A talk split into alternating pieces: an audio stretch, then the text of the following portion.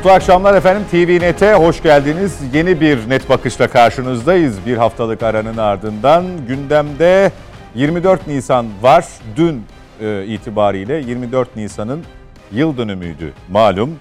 Konuyla ilgili sözde Ermeni soykırımına ilişkin dışarıdan gelen iftiralara, içeriden gelen skandal adımlar, tepkiler ve açıklamalar eklendi. Amerika Birleşik Devletleri Başkanı Biden kendi e, tarihlerini unutup soykırım ifadesini bir kez daha kullandı.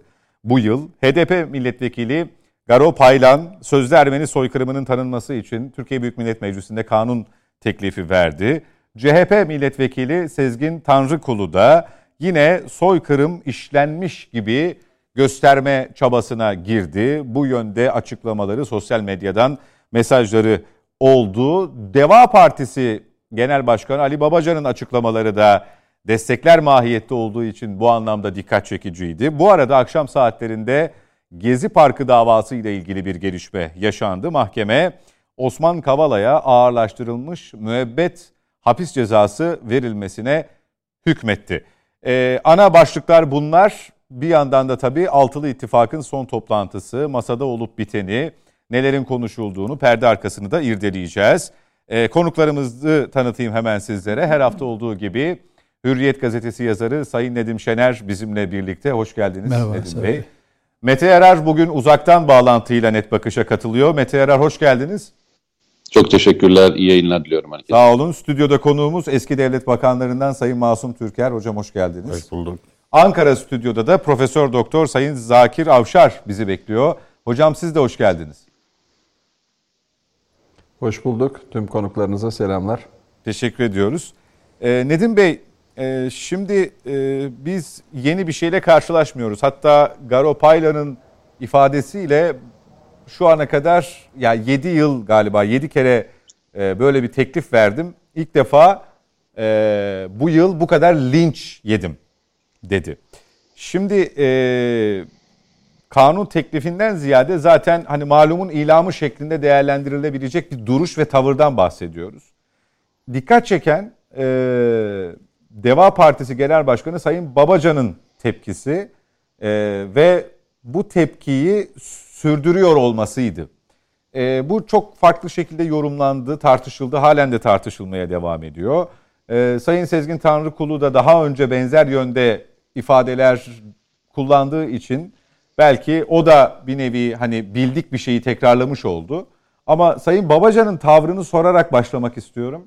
E, buradaki amaç, altta yatan sebep size göre nedir?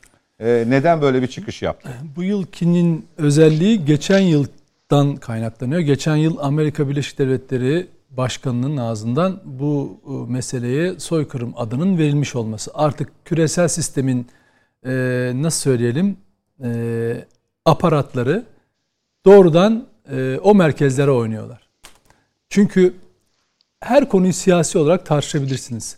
Ama ortada tarih ve yaşanan olaylar ve gerçeklikler var. Ama bunları siyasetinize ve bu şekilde bir siyasete alet etmeniz doğru değil.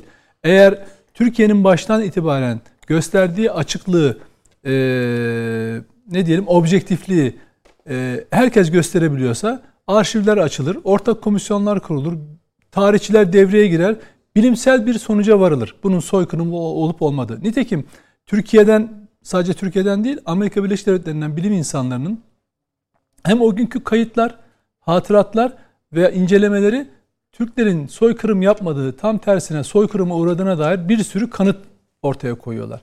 Şimdi hal böyleyken siz ülkenin çok affedersiniz bu kelimeyi kullanım ama sığ siyasetçisi olarak, sığ siyasetçisi olarak hangi mahfile hizmet etmek amacıyla soykırım tasarısı verebilirsiniz?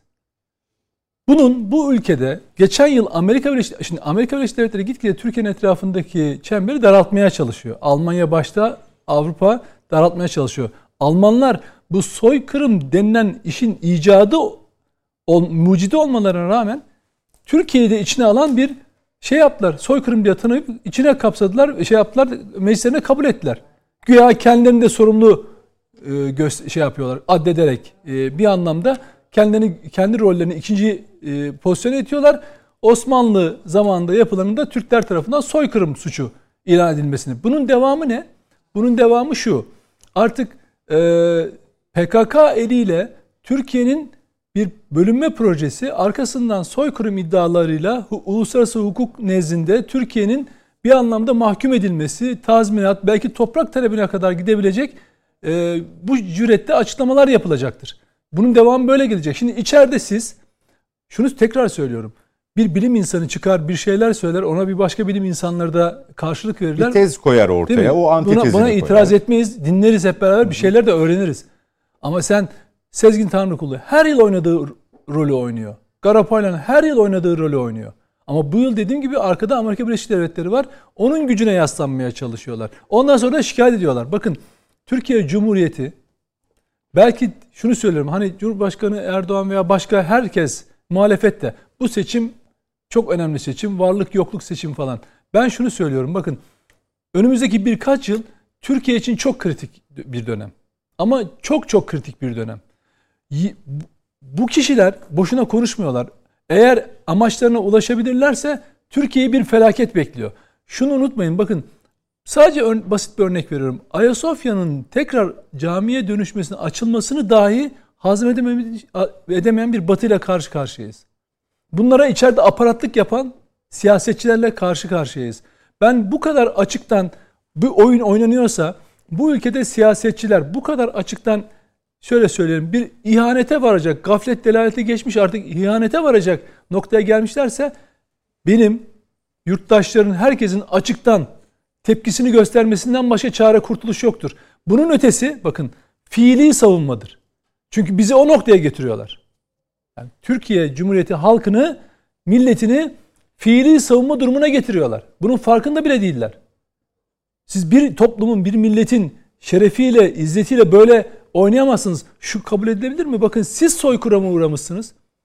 Yusuf Halacıoğlu Hoca diyor ki e, Garapaylan'a istediğiniz yerde sizinle karşı karşıya gelmeye hazırım. 518 bin e, Türk kadın, çocuk, ihtiyar denmeden Ermeni çeteler tarafından Rusların, Fransızların teşvikiyle soykırım yapmıştır. Türkler soykırım yapmamıştır. Teçhirse teçhir evet. Bunu zaten biz kendimiz söylüyoruz. Yer değiştirmeyse evet bu. Orada zayiatlar varsa elbette biz bunu kabul şey yapıyoruz. Bu bizim insani vasfımız. Ama oturup da bunlar Ermenidir diye insanları e, öldürdüğü tıpkı Türklere yapıldığı gibi bir soykırım suç işlenmemiş. Şimdi bu kadar açık mertçe Yusuf Bey e, tartışmaya çağırıyor. Bunu yapabiliyorlar mı?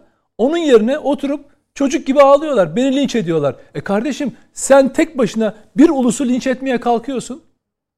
Bir ulusu linç etmeye kalkıyorsun. Hem de o günün şartlarını hiç değerlendirmeden bugün sırtını Amerika'ya yaslamışsın ki aynı kişi HDP'nin kapatılması konusunda yine Amerikan senatosunda, kongresinde orada burada gezip Kulis toplantı yapıyor, kulisler evet. yapıyordu. Yani herkesin rolü belli. Bakın herkesin rolü belli. Yine bu konuda Hrant Dink'e dikkat çekmek isterim. Eğer diğer konuşmacıların da hakkını şey yapmıyorsam kusura bakmasınlar. Kısaca lütfen. Hrant Dink yurtsever bir Anadolu çocuğu. Ermeni, kökenli ve bu ama top, nerede yaşadığını ve nasıl bir e, acılardan e, yoğrularak geldiğimizi çok iyi biliyor. Buna dünya soykırım derken ona itiraz ediyordu. Ama burada da eşit bir yurtta, eşit bir yurttaş olarak yaşamak istiyordu. Şimdi bakın o, e, Hrant Dink öldürüldükten sonra Hrant Dink suikastini Türkler, milliyetçiler, Atatürkçüler işlemiştir diye, Ergenekoncular işlemiştir diye bir şey yarattılar, tablo yarattılar. Ve hatta bazıları öyle ileri gittiler ki, gitti ki Ermeni soykırımının son halkası yani son kurbanı dediler.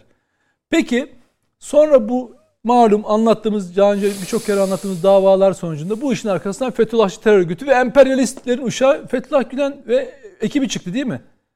Bakın o günden bu tarafa Hrant Dink ne Ermeni diasporasının umurunda ne Fransa'daki Ermeni lobisinin umurunda ne Avrupa'dakilerin umurunda ne Ermenistan'dakilerin. Zira Ermenistan'da her 24 Nisan'da Hrant Dink'in e, fotoğrafıyla 1,5 milyon artı 1 diye bir tablo e, şey yapılırdı. Bir pankart hazırlanırdı. Artık yok. Niye?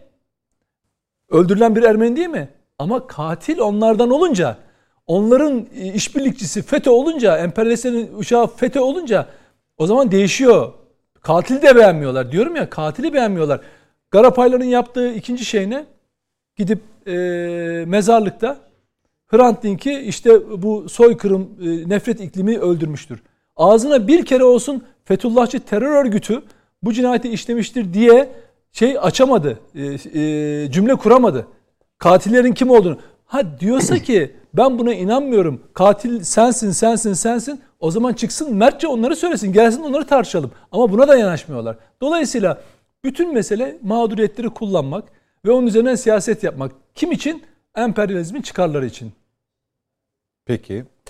Ee, Masum Hocam siz HDP'nin e, Amerika ile birlikte Türkiye düşmanlığı paydasında birleşmesini nasıl değerlendiriyorsunuz? Nedim Şener geçen yıldan alınan bir şevk şeklinde yorumladı bunu. E, farkı bu dedi sadece ama bizim bu meseleyle ilgili de şu ana kadar anlatmadığımız, e, çağrıda bulunmadığımız mecra kalmadı. E, bir de tabii e, kendi içimizde de bunu siyasi olarak yorumladığımız gibi arşivlerimizi açmaya hazırız çağrısının yanında o acıyı da paylaşan e, resmi bir takım açıklamalarımız oluyor. Bunu daha öte getirmek kime ne fayda sağlıyor ki buradan nemalanıyorlar? Sizin görüşünüz ne? Şimdi ben e, Garo Paylan'ın bu verdiği kanun teklifini HDP'nin bir politikası olarak görmüyorum. Yani HDP'nin politikası belli. Daha çok Türkiye Partisiyim demesine rağmen Kürt halkının haklarını koruyan bir yaklaşım içinde. Tamamlamak isterim. Daha evet. geçen yıl HDP genel e, merkezi olarak yaptıkları açıklamada Kürt soy şey e, Ermeni soykırımları yüzleşin, bu utançla yüzleşin diye bildiri yayınlayan da HDP'nin bizatihi kendisidir. Bu onun HDP'den bağımsız yapılması mümkün değil zaten. Şimdi e, bu konuda e, ben Nedim Bey'den neden biraz farklı düşünüyorum? Çünkü Ermenilerin yaşadığı bir bölgede doğdum, büyüdüm. Yani Ermenilerin de olduğu, tekşir olaylarının olduğu bir bölgede doğdum, büyüdüm. Ve bu soykırımla ilgili de, sözde soykırımla ilgili de açıklamalarımı yıllardır yapıyorum. Ben Mardinliyim. Biz Mardin'de Birleşmiş Milletler gibi yaşadık. Yani Ermenisi, Süryanisi, e, Yezidisi, Kürdü, Türkmeni, Arabı birbirimizle beraber yaşarken birimiz diğer taraftan olan, etnik olan kesimle bir tane kan davası yoktur. Öldürme olayı yoktur. Kan davaları, kavgalar bile her etnik grubun kendi içinde birbirleriyle olmuştur. Bu sözde soykırım olarak nitelendirilen olay gerçekleştiği zaman ben kendi ailemden biliyorum. O zaman orada Hamidiye alayları vardır. Hamidiye alayları eliyle gerçekleşmiştir bu. Ve bu gerçekleşirken özellikle bütün Mardinliler Ermenilerin o tarihte kızlarına, çocuklarına sahip çıkmışlardır. Benim ailem bile üç kıza sahip çıkmıştır. 18 yaşına kadar hiçbir telkinde bunu 18 yaşına geldikleri zaman demişlerdir ki sizin aslınız Ermenisiniz. Biz size baskı yapmadık. Şimdi isterseniz gidebilirsiniz. İsterseniz nasıl istiyorsun artık reşit oldunuz. Bunlardan birisi kilisede Ermeni kilisesine de gönderildiler. Kilisede tanıştıkları birisiyle evlendiler Amerika'ya gitti. Birisi orada ben Ermeni olarak devam edeceğim. Birisi de hayır ben sizlerle kalacağım dedi. Hatta uzun süre o bizdenle kalan ben küçükken dinlediğim hikayedir bu. Görücülüğe gelirlermiş evdeki kızları görmeye. Bizim kendi kızlarımızı çıkarmazlardı. Önce bu kıza koca bulalım da ondan sonra sorumluluğumuz vardı. Ve nihayetinde de sonradan bizim bir aile bireyiyle, amcazadeyle evlendirdiler ki diğer kızların da kısmeti açılsın diye. Yani yaklaşım o. Biz mesela top oynamaya giderdik. Müsevilerin mezarı vardı ve bir Müsevi ailesi kalmıştı. Annem derdi ki sakın oraya pislemeyin, top atmayın. Ya gider önce Fatiha okurduk Müsevi mezarlığında. Halklar arasında hiçbir çatışma yok bir kere. Ermeni meselesini kaşıyan ve bu noktaya getiren o tarihte özellikle Ermenistan'ın birinci Cumhur Başbakanı yaptığı bir konuşma vardır. Bu konuşmada aslında asıl ihaneti o tarihte kendi cemaatlerini yaptığını itiraf eder. Yani bir şey olmadığını söyler. Buna tabi dış güçler bozulmuşlardır özellikle Amerikalılar. Bu nedenle Amerika Birleşik Devletleri Lozan görüşmelerinde gözlemci olarak katıldığı bu görüşmelerde üç tane talebi olmuştur masada. Bu üç talebinden bir tanesi doğuda bir Batı Ermenistan kurulması. Yani bizim doğumuzda ama mevcut olan Ermenistan'a göre Batı Ermenistan kurulması. Bir tanesi Amerikan şirketlerine kapitülasyonlarının devamına izin verilmesi. Üçüncüsü de yeraltı araştırmalar, arkeolojik araştırma hakkının verilmesiydi. Bu üçünü de o zamanki delegasyonun başkanı olan e, İsmet İnönü reddetmiştir. Bunun üzerine Amerika o görüşmelerden çekilmiştir. Ve bugün e, dünyada Lozan Anlaşmamızı tanımayan, senatoda reddeden tek ülke Amerika Birleşik Devletleri'dir. Bu tarihi bilgi niye veriyorum? Amerika Birleşik Devletleri'nin bu Lozan'ı reddettiği oturumun yıllar sonra 30 yıl sonra açılıyor ya bu kitaplaştırıldı. Türkçe'ye de Orta Doğu Teknik Üniversitesi'nin yayın evi Metü yayınları tarafından tercüme edilmişti. Sonra başka yayın evleri de aynı tercümeyi kullandı. E, Türkiye'nin parçalanması adıyla bu hikaye orada vardır. Ermenistan kurulmasının talep edilmesi yönünde. Şimdi Amerika'nın böyle bir talebi var ve bugün Amerika'nın da doğuda bir Kürt devleti kurulmasını istemesinin nedeni budur. Bir Kürt devleti kurdurabilse sonra dönecek Hamidiye alayları aracılığıyla bu bahsedilen soykırımı siz yaptınız. Hadi bakalım Ermenistan'a yer verin diyecektir. Bakın Amerika'nın bir nihai hedefi odur. Niye böyle bir yer istiyor? Nasıl bugün Ukrayna-Rusya arasındaki çatışmada Ukrayna'yı Rusya girmeyin diyor, tampon bölge kalsın diyor. Türkiye'de de aynı şey, Türkiye'yi uzun vadeli müttefiki görmediği için Amerika Birleşik Devletleri o tarihteki Sovyetler Birliği ile tampon ülke kuracak şey kendi güdümünde olan adeta yönettiği bir devlet olacaktı evet. ve din birliği esasına dayalıydı. Şimdi bu süreç içinde soykırım olmaya başladı. Adı sözde soykırım olarak biz söylüyoruz. Çünkü böyle bir soykırım yok. Böyle iddia ettiği gibi Gafo Maria'nın e, Garo'nun şeyine okudum açıklamasını. Bir buçuk milyon Ermeni öldürülmüş değil. Yani öyle söylediği şu kadar bir buçuk milyon Ermeni zaten konuşmasının e, açıklamasının seyri bunu gösteriyor. Peki niye bu böyle geliyor? Maalesef Türkiye'deki siyaset milli bilinçten uzaklaştığı için yani bu milli bilinç iktidarda da var, muhalefette de var. Yani yalnız böyle şey değil. Büyük olasılıkla hani Garo diyor ya buna neden linç ettiler noktasına bu haber almıştır. Cumhurbaşkanı 24'ünde ayın Ermeni patrini arayacak. İşte öldürülen insanları için acısını paylaşacak. Acısını paylaşacağım demiştir. E, bunu öğrenmesi gayet doğal çünkü bu konu daha evvel konuşulduğu için Patrikhane biliyor hmm. Cumhurbaşkanı arayacağını bilgi verilmiştir. O da böyle bir teklifi yenileyerek, ineleyerek otomatik olarak eğer reddedilmeseydi hemen anında eskiden olduğu gibi verdikten bir süre sonra reddedilse, mesela 2018'de vermiş, reddedilmiş.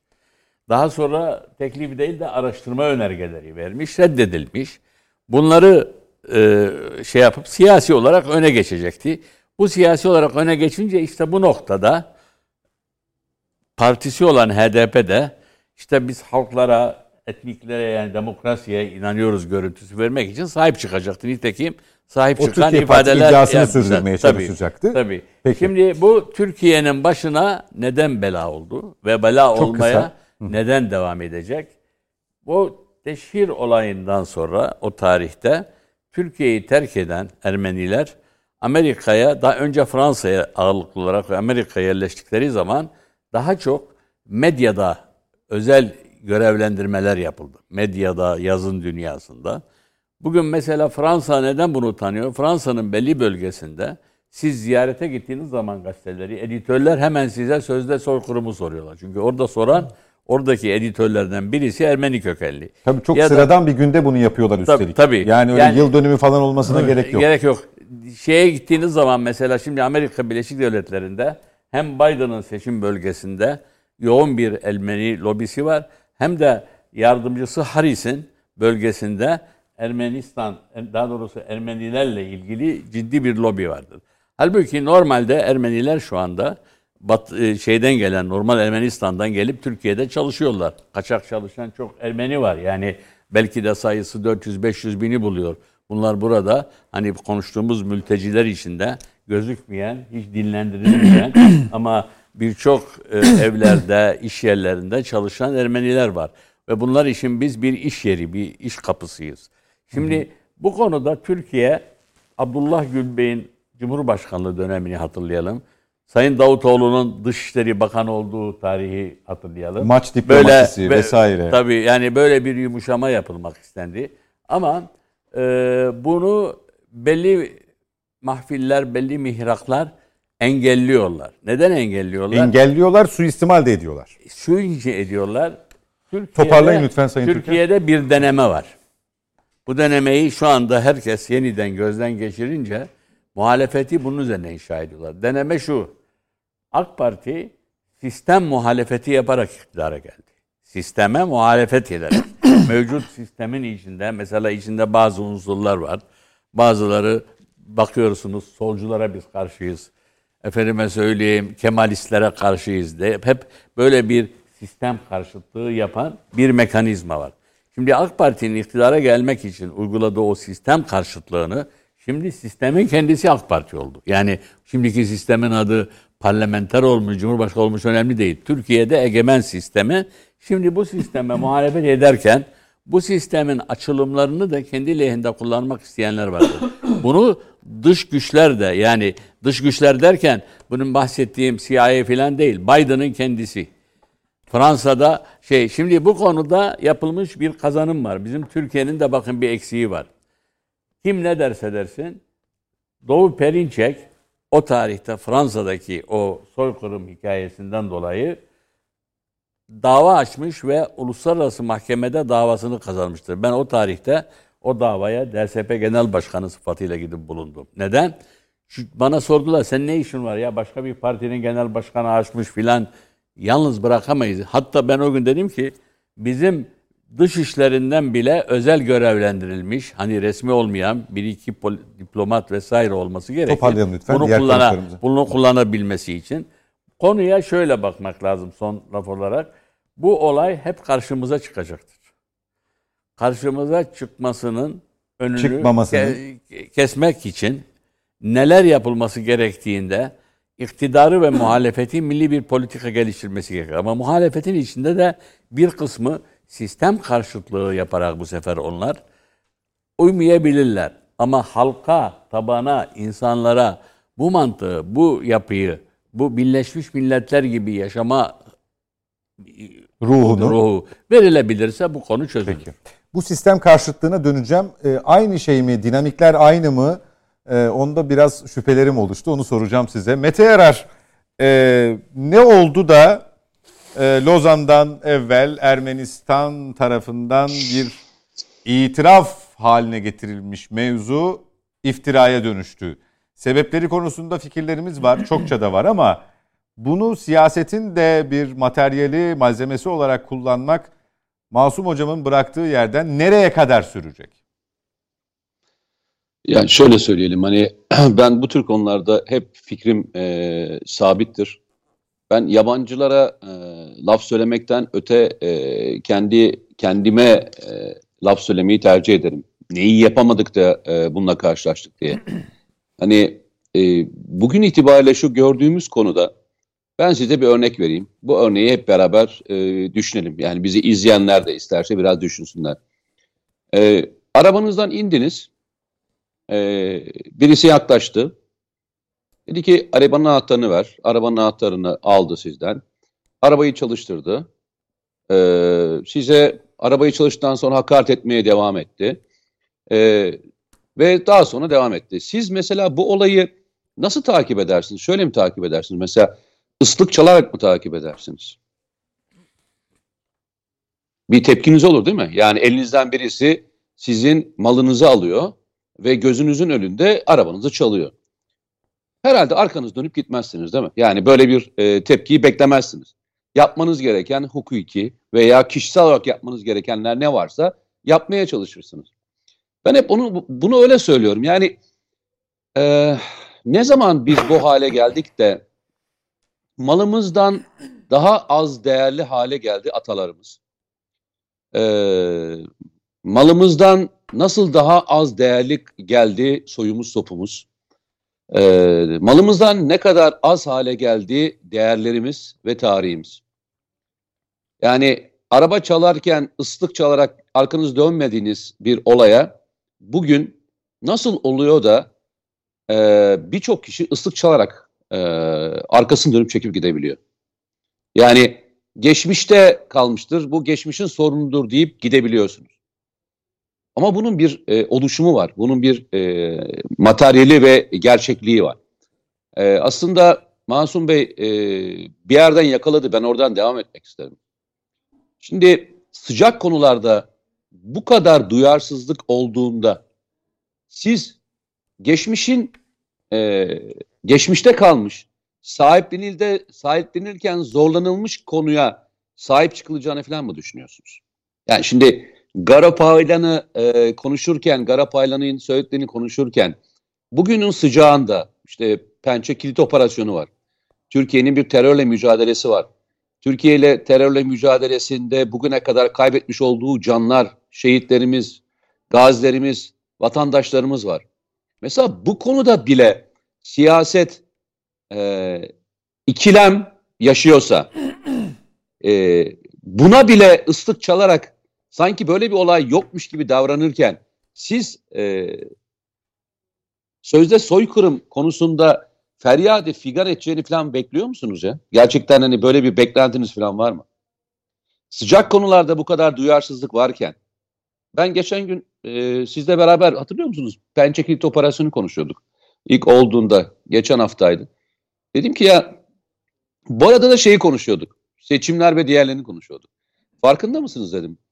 Yani bir ülkeyi düşünebiliyor musunuz? Bir tarafında terörle mücadele ediyor. O sırada şehitler geliyor. Ve bir, tane, bir taraftan da e, bun, bununla kendisini inkar etmeyen bir partinin altılı masada mı, altılı masanın yanında mı, masanın masanın kendisi mi, gölgesi mi, yoksa bacaklarından bir tanesi mi diye de bunu konuşabiliyoruz demiştim hatırlarsanız. Aslında bugün e, geldiğimiz nokta e, bu. Her defasında deneniyor ve her denemenin bir üstüne doğru gidiyorlar.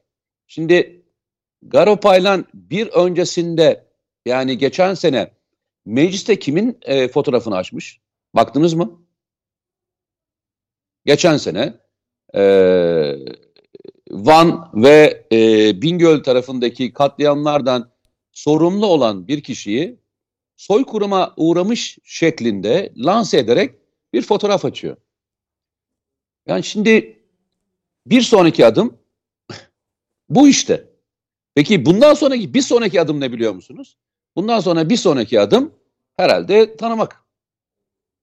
Yani e, bu sefer kişi olarak değil parti grubu olarak e, şey vermek. Sonraki ne? E, sonraki halen yaşıyoruz, görüyoruz. E, yani öyle siyasi partiler var ki bu dönemi e, inkar etmeyip bu bir dönem böyle e, sözde soykırım demeyip bununla yüzleşmek gerektiğini örnekleriyle Kızıldere örneklerinden e, veya ne örneklerinden veriliyor işte siyahi vatandaşlara yapılan örneklerle açıklamayıp yani onlar yüzleştiler biz de yüzleşmeliyiz. Biz kendi hatalarımızla yüzleşmezsek bunu yapamayız. Bu kişiyle bunları söylemleştiren kişiler de siyaseten yukarı doğru çıkartılıyor. Sizce e, ben Amerika Birleşik Devletleri'nin emperyalist tavrına mı laf söyleyeceğim? Yoksa bu ülkede yaşayan 85 milyon vatandaştan birisi olarak yani benim atama e, laf söylenirken ben ıslık çalarak arkamı dönüp gidecek miyim? Çok basit ya. Buna emperyalist demek. Bunlar emperyalistlerin oyunudur demek. Bunlar emperyalistlerin davranışları demek. O kadar basit bir ıslık çalmak ki. Ee, Nedim'le beraberdik. Yanlış hatırlamıyorsam bir televizyon programında. Uluç Bey, e, Uluç Özülker, e, Paris e, konseyi büyükelçiliği yaptı. Büyükelçisi. Evet. E, işte yine bu konular konuşuluyordu. Ben ona bir soru sordum. Dedim ki ya e, yanlış anlamayın ama dedim. Yani Fransa'da e, Ermeni nüfusu ne kadar ki dedim. hani e, bütün Ermenist şeyin Fransa'nın politikalarını belirleyecek kadar önemli. Hatırlıyor musun Nedim? Ne kadar söylemişti rakam hatırlıyor musun? 500 binle 1 milyon arası dedi. Ama o kadar organizeler ki dedi. O kadar organizeler ki. Birey olarak hareket etmiyorlar. Grup olarak hareket ediyorlar. Şimdi Masum Bey Amerika'daki örneğini verdi. Bugün bir e, gazetecinin e, bu konuyla ilgili ver, e, yazmış olduğu tweetler okudum şöyle. Çok ilginçtir. Her sene Ermeni lobisi e, Amerika Birleşik Devletleri'ndeki senatörlerin bu Ermeni tasarılarla ilgili vermiş oldukları ve yapmış olduklarıyla ilgili bir karne tutarmış. Ve karnenin sonucunda eğer kendi işlerine gelmeyen bir şeyler yapmaya kalkışıyorlarsa veya Türkiye ile yine bir şey yapmaya kalkışıyorlarsa kesinlikle siyasi kariyerlerini bitirirlermiş. Peki bunu yapanların toplam mevcudu ne kadar Amerika Birleşik Devletleri'nde?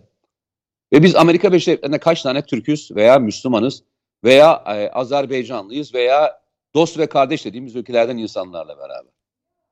İşin özü şu.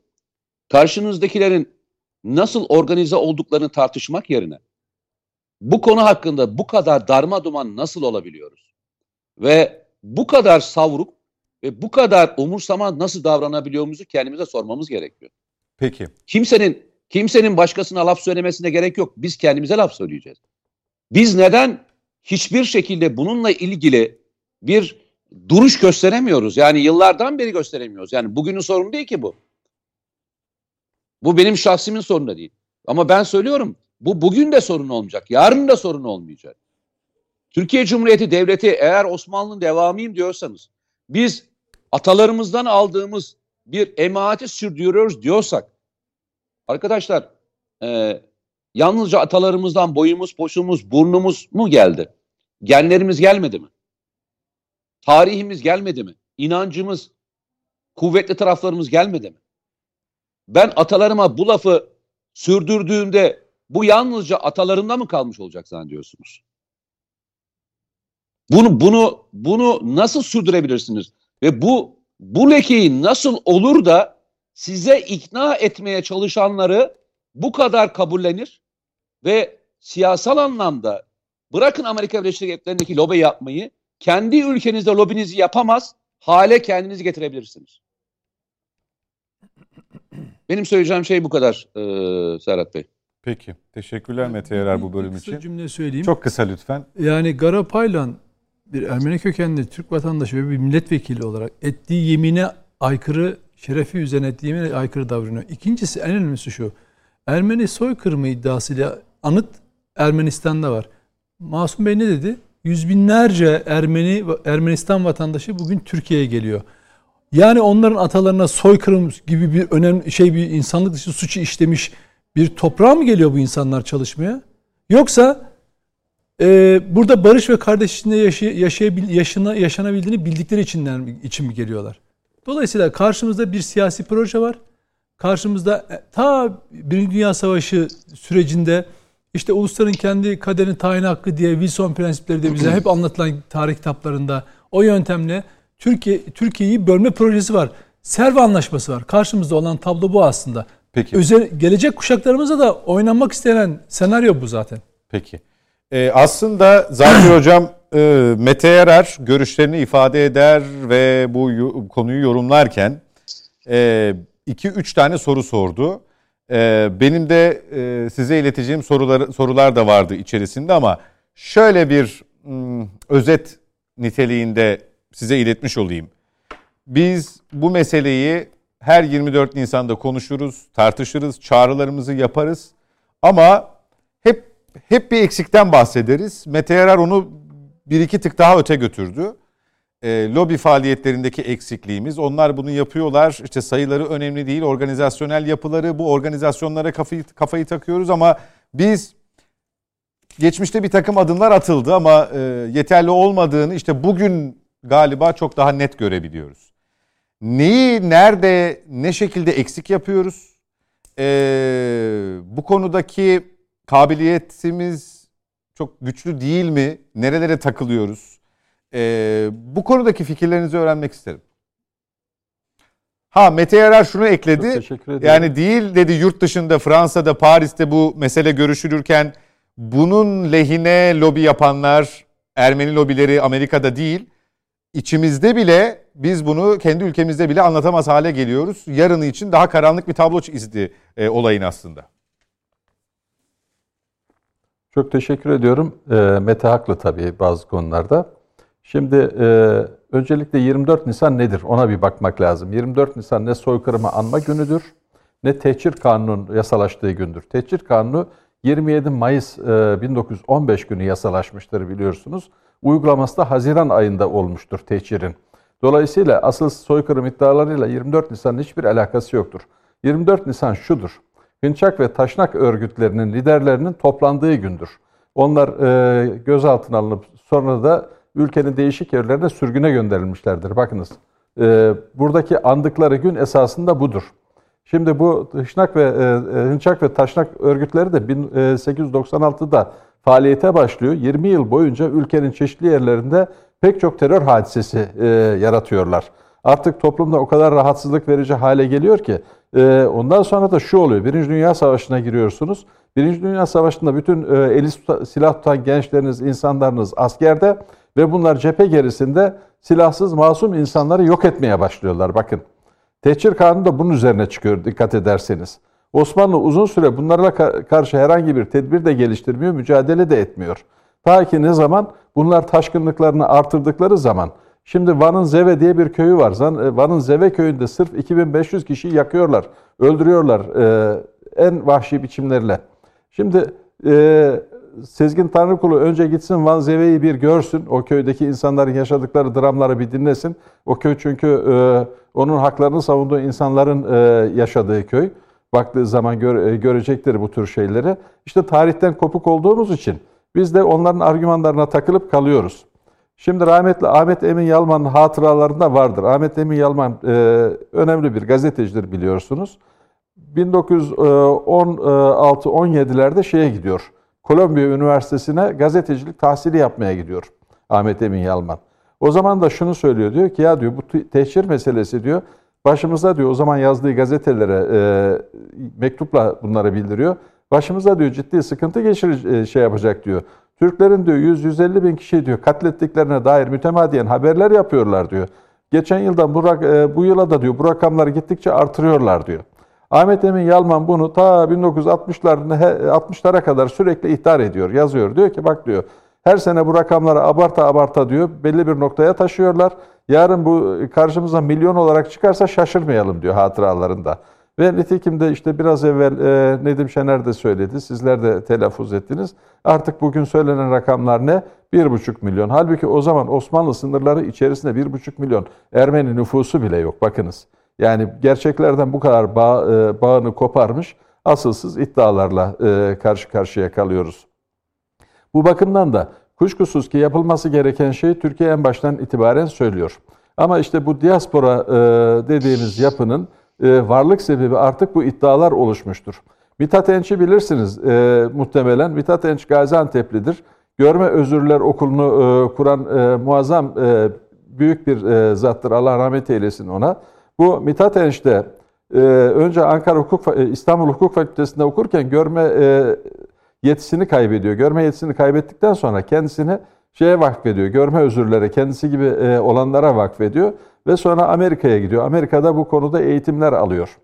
O esnada e, diyorlar ki şurada bir Ermeni kadın var aman ona dikkat et. Siz onun ailesini kesmişsiniz. Sizden nefret ediyor.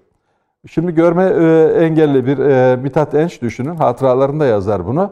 Ve e, o kadından bucak bucak kaçıyor. Bir gün kapısı açılıyor. Kadın geliyor diyor ki sen benden niye böyle bucak bucak kaçıyorsun? Sen Türkiye'den gelmedin mi? Evet Türkiye'den geldim. Sen beni kesecekmişsin diyor. Bizimkiler sizinkileri kesmiş. Ya sen onlara inanma diyor. Burada herkes diyor tutunmak için bir yalan uyduruyor. Ben, biz diyor geleli kaç yüzyıl olmuş buraya diyor. Bizim şeyle alakamız yok tehcirle mehcirle filan. Burada yaşıyoruz ama diyor burada diyor bu şeyin içerisinde tutunmak için herkesin diyor bir hikayesi vardır. Sonra e, Mithat Enç'i evine götürüyor, yemek yediriyor vesaire filan samimi oluyorlar. Şimdi o da hatıralarında bunu yazıyor.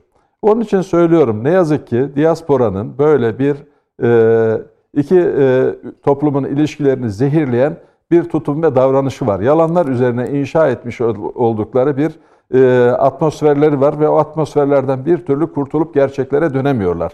İşin en kötü tarafı da budur. Ve e, bu zehirlemeye de Garo gibi e, insanlar da e, ne yapıyor? Katkı sağlıyorlar. Sadece Garo değil, Sezgin Tanrıkulu da sağlıyor, e, Yeneroğlu da sağlıyor, Ali Babacan da sağlıyor. Daha sağduyulu bir siyaseti gerçekleri dile getirmekten kaçınıyorlar ve gerçek dışı ifadelerle e, milletimizi de e, ne yazık ki töhmet altına alıyorlar. Halbuki 24 Nisan'da yapılan şey nedir? Terörizme karşı bir harekattır.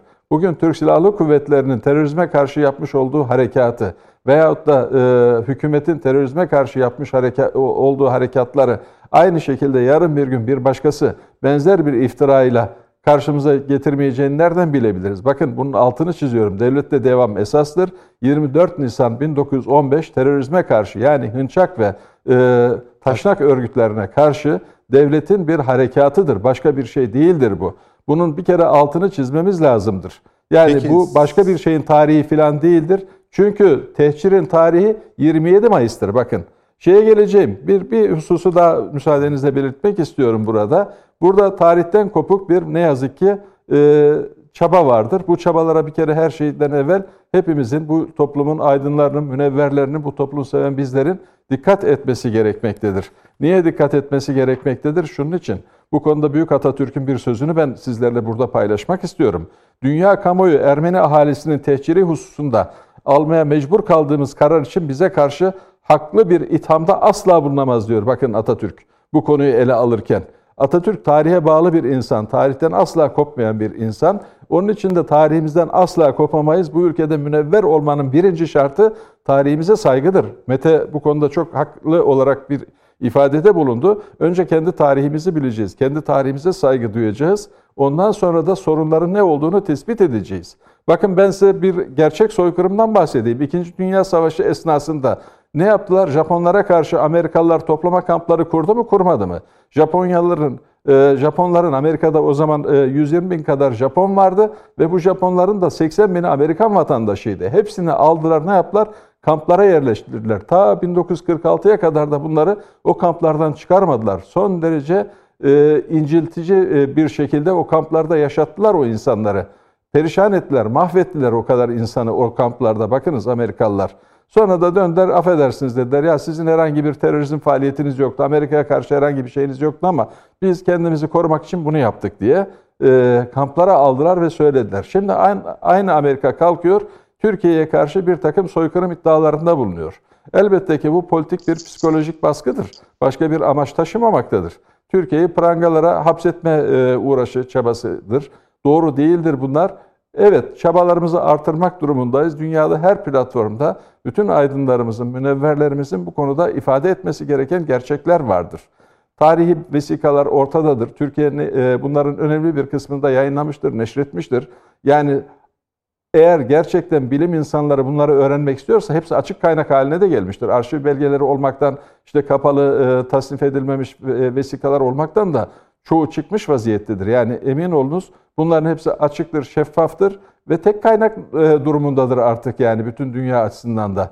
O bakımdan da söylüyorum bu kaynaklara müracaat edildiği zaman bu meselenin bütün boyutlarıyla görülmesi mümkündür. Peki. Türkiye bu konuda hani çalışmıyor diye bilim insanlarımızı suçlayamayız. Türkiye bu konuda çalışıyor. Siyasetimizi de suçlayamayız. Türkiye'de yani gerçekten çok sağduyulu siyasetçilerimiz var bu konuda. Ama kimi suçlayacağız? Şunu suçlayacağız. Gerçeklerine, gerçekleri ters yüz etmeye çalışan ve e, milletlerin e, ilişkilerini zehirlemeye uğraşan bu diaspora ve onların e, kullanan e, uzantılarını elbette ki suçlamamız gerekiyor. Burada esas bunlara bakmamız gerekiyor. Peki. Bu zehirden kurtulmanın yolu nedir? Gerçekleri her zeminde haykırmaktır. Gerçekleri ifade etmektir. Gerçeklere döndüğümüz zaman e, ger e, ne olur? Bu ilişkiler düzelir. Bakın bir hatıramı anlatayım ben yine Çok size. Çok kısa lütfen. Amerika'daydık. E, Amerika'da evet. Amerika'da e, 18 Mart Çanakkale şehitlerine anma toplantısı yaptık bizim e, Michigan'daki e, Türk arkadaşlarımızla birlikte.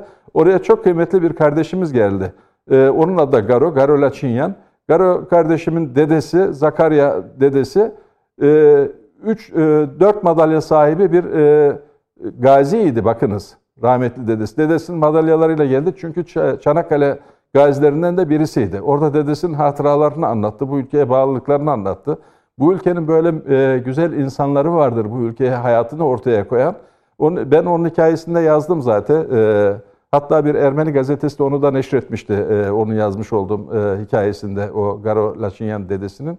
Onun için söylüyorum. Yani bizim Ermeni vatandaşlarımızla hiçbir meselemiz yoktur. Ermeni vatandaşlarımızla da Ermenistan'la da ilişkilerimizi zehirleyen, yıllardan beri Ermenistan'da açlığa, yokluğa, sefalete e, mahkum eden ne yazık ki bu e, diasporadır. Diasporanın baskısıdır. O diasporanın baskısından bir şekilde Ermenilerin kendilerini kurtarması lazım. Türkiye'deki aydın münevver Ermenilerin de yine keza bu yalanlar e, ve hayal aleminden kendilerini kurtarmaları lazım. Peki ee, hocam. Nedim Şener gayet güzel söyledi. Allah rahmet eylesin. Hrant Dink o kendisini kurtaran münevverlerden birisiydi. Çok teşekkür ediyorum bu bölüm için tüm konuklarıma. Ara vakti. Reklamların ardından net bakışa ikinci bölümle devam edeceğiz efendim. Bizden ayrılmayın.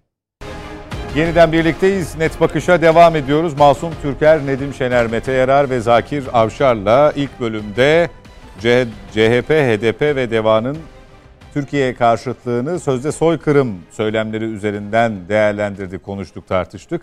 Şimdi yavaş yavaş siyasetin gündemine geçeceğiz ama ilk bölüme dair eklemek istediğim bir şey var mı?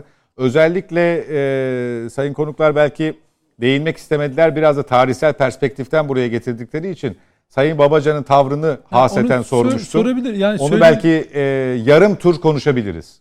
Şimdi şöyle e, yani Babacan... Hani şey dediniz ya HDP'nin tavrı, Garopayların tavrı şaşırtıcı evet. değil. Evet. Malumun ilamı, geçen senekinin tekrarı, biraz evet. daha özgüvenle bunun e, tekrar edilip evet. ikrar ediliyor olmasının e, temel sebebi geçen şimdi, yıl Amerika tarafından bunun soykırım olarak adlandırılması. Şimdi bunun bakın e, biraz sonra geçeceğimiz konulardan bir tanesi de bu altı partinin toplandığı masa.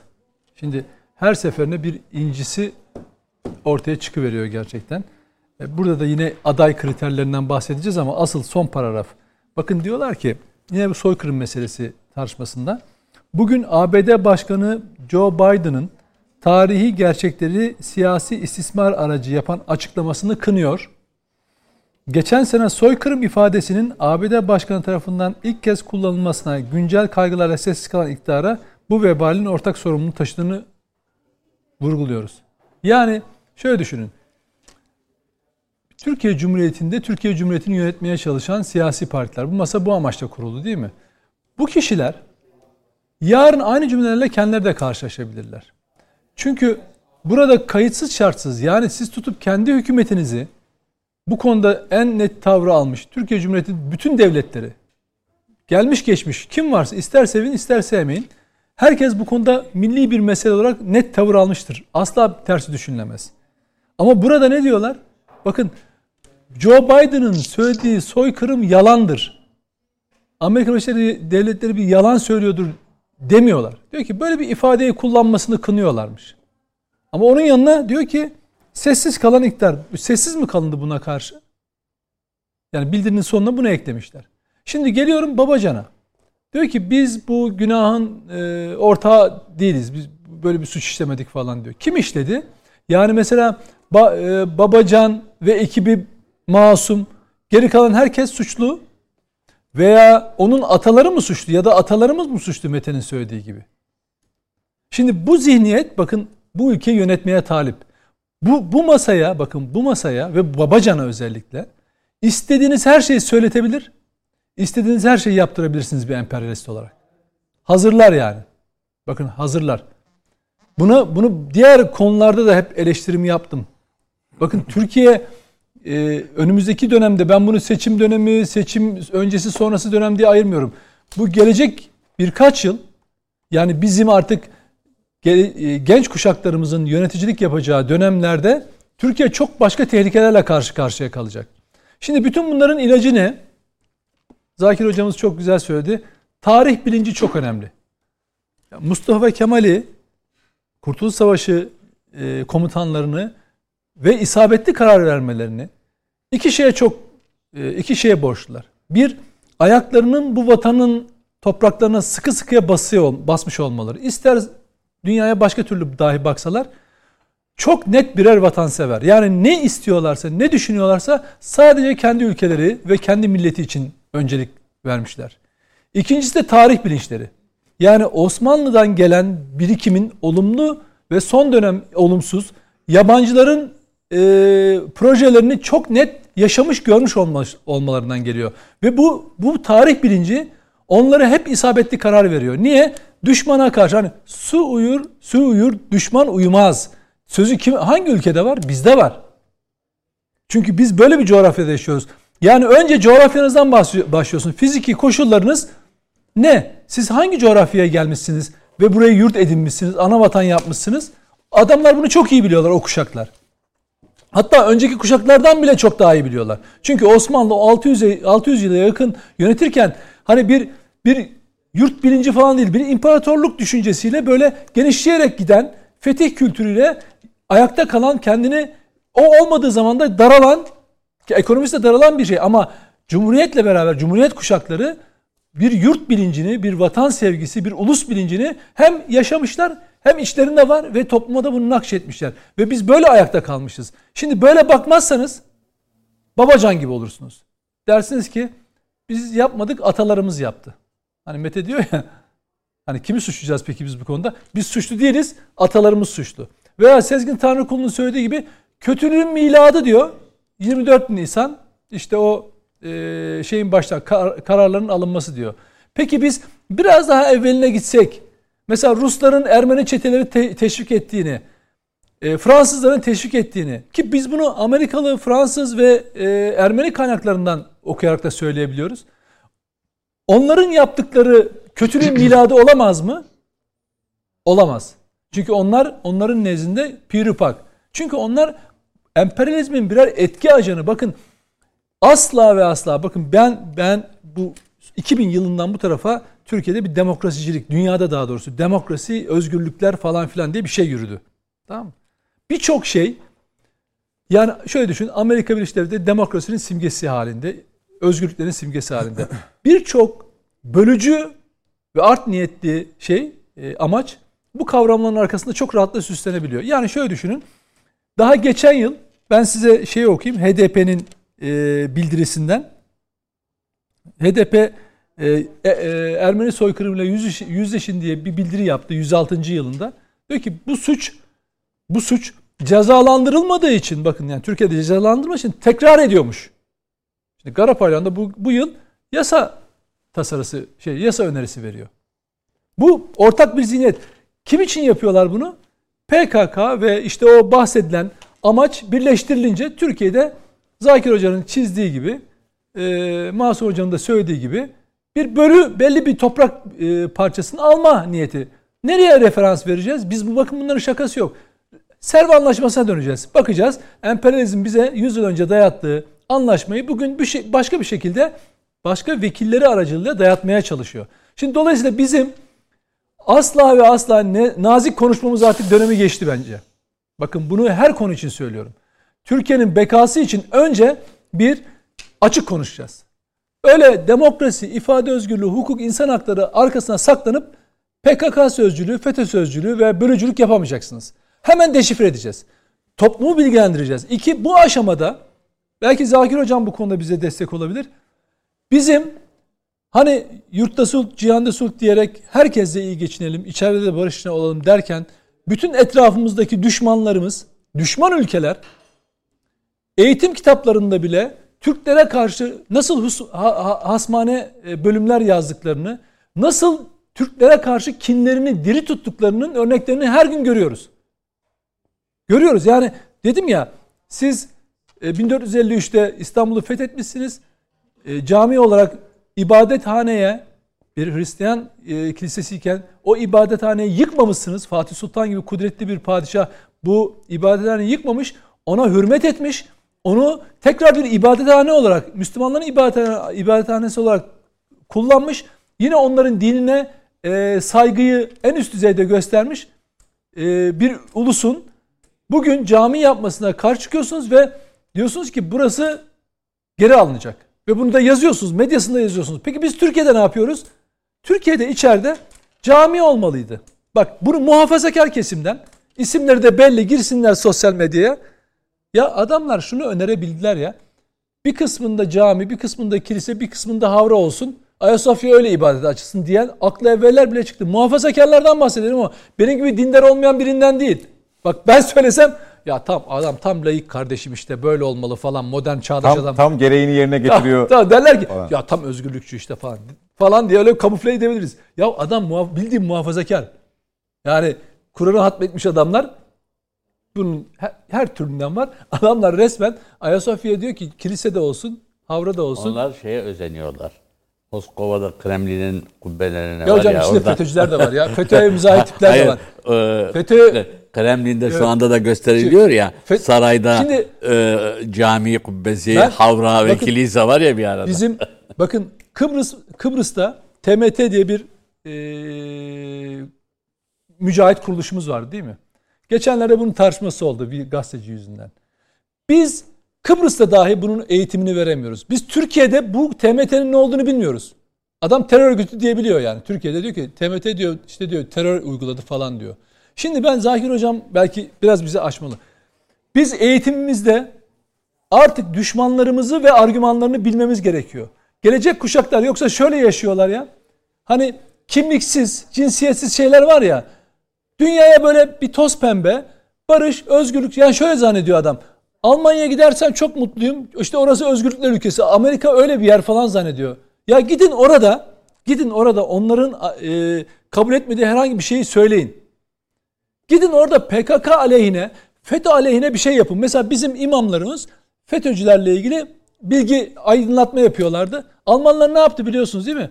Bunlar MİT ajanı diye ülke Türkiye'ye gönderdi. Haklarını işlem yaptı. İstenmeyen insan ilan etti. Şimdi gidin orada yapın bakalım bunları. Şimdi dolayısıyla bizim bizim burada insanlarımızı hani asker nasıl donanımı vardır, teçhizatı vardır, bilgiyle donanmamız gerekiyor. Ben Ermeni e, tecri konusunda gerek Kurtuluş Savaşı dönemiyle ilgili olsun, sonrasında Kıbrıs'la ilgili olsun, ne olursa olsun benim bilgilerimin yenilenmesi, güncellenmesi ve şunu söyleyeyim, ülkeme dair hak sahibi olmamın zemini hazırlanması lazım. Bu da eğitimden geçiyor. Belki Zakir Hoca da bu konuda bize yardımcı olabilir ama o yön çok önemli.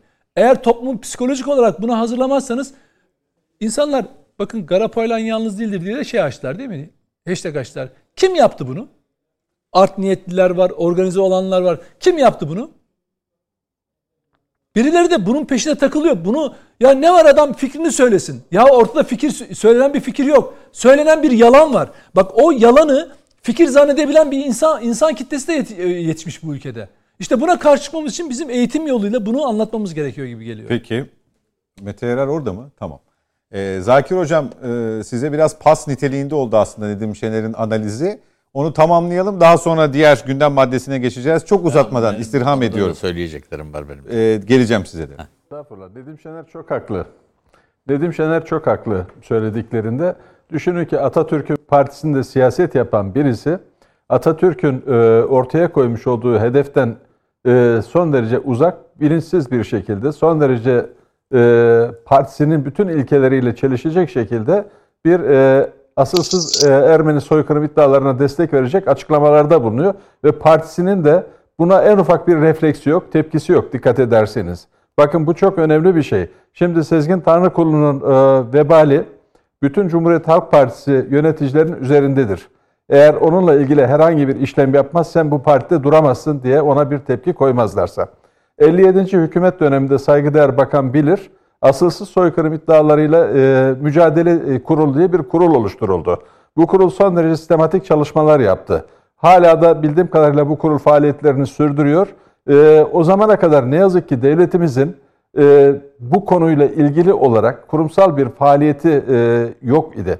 O kurumsal faaliyet o zaman başlatıldı. Günümüze kadar da sistematik bir şekilde devam ediyor ve mücadelenin bilimsel e, temelleri de işte o kurulla birlikte büyük ölçüde oluşturulmuş e, oldu. Bugün e, daha rahat çok platformlarda bu e, iddialara cevap veriyorsak bu çok önemlidir.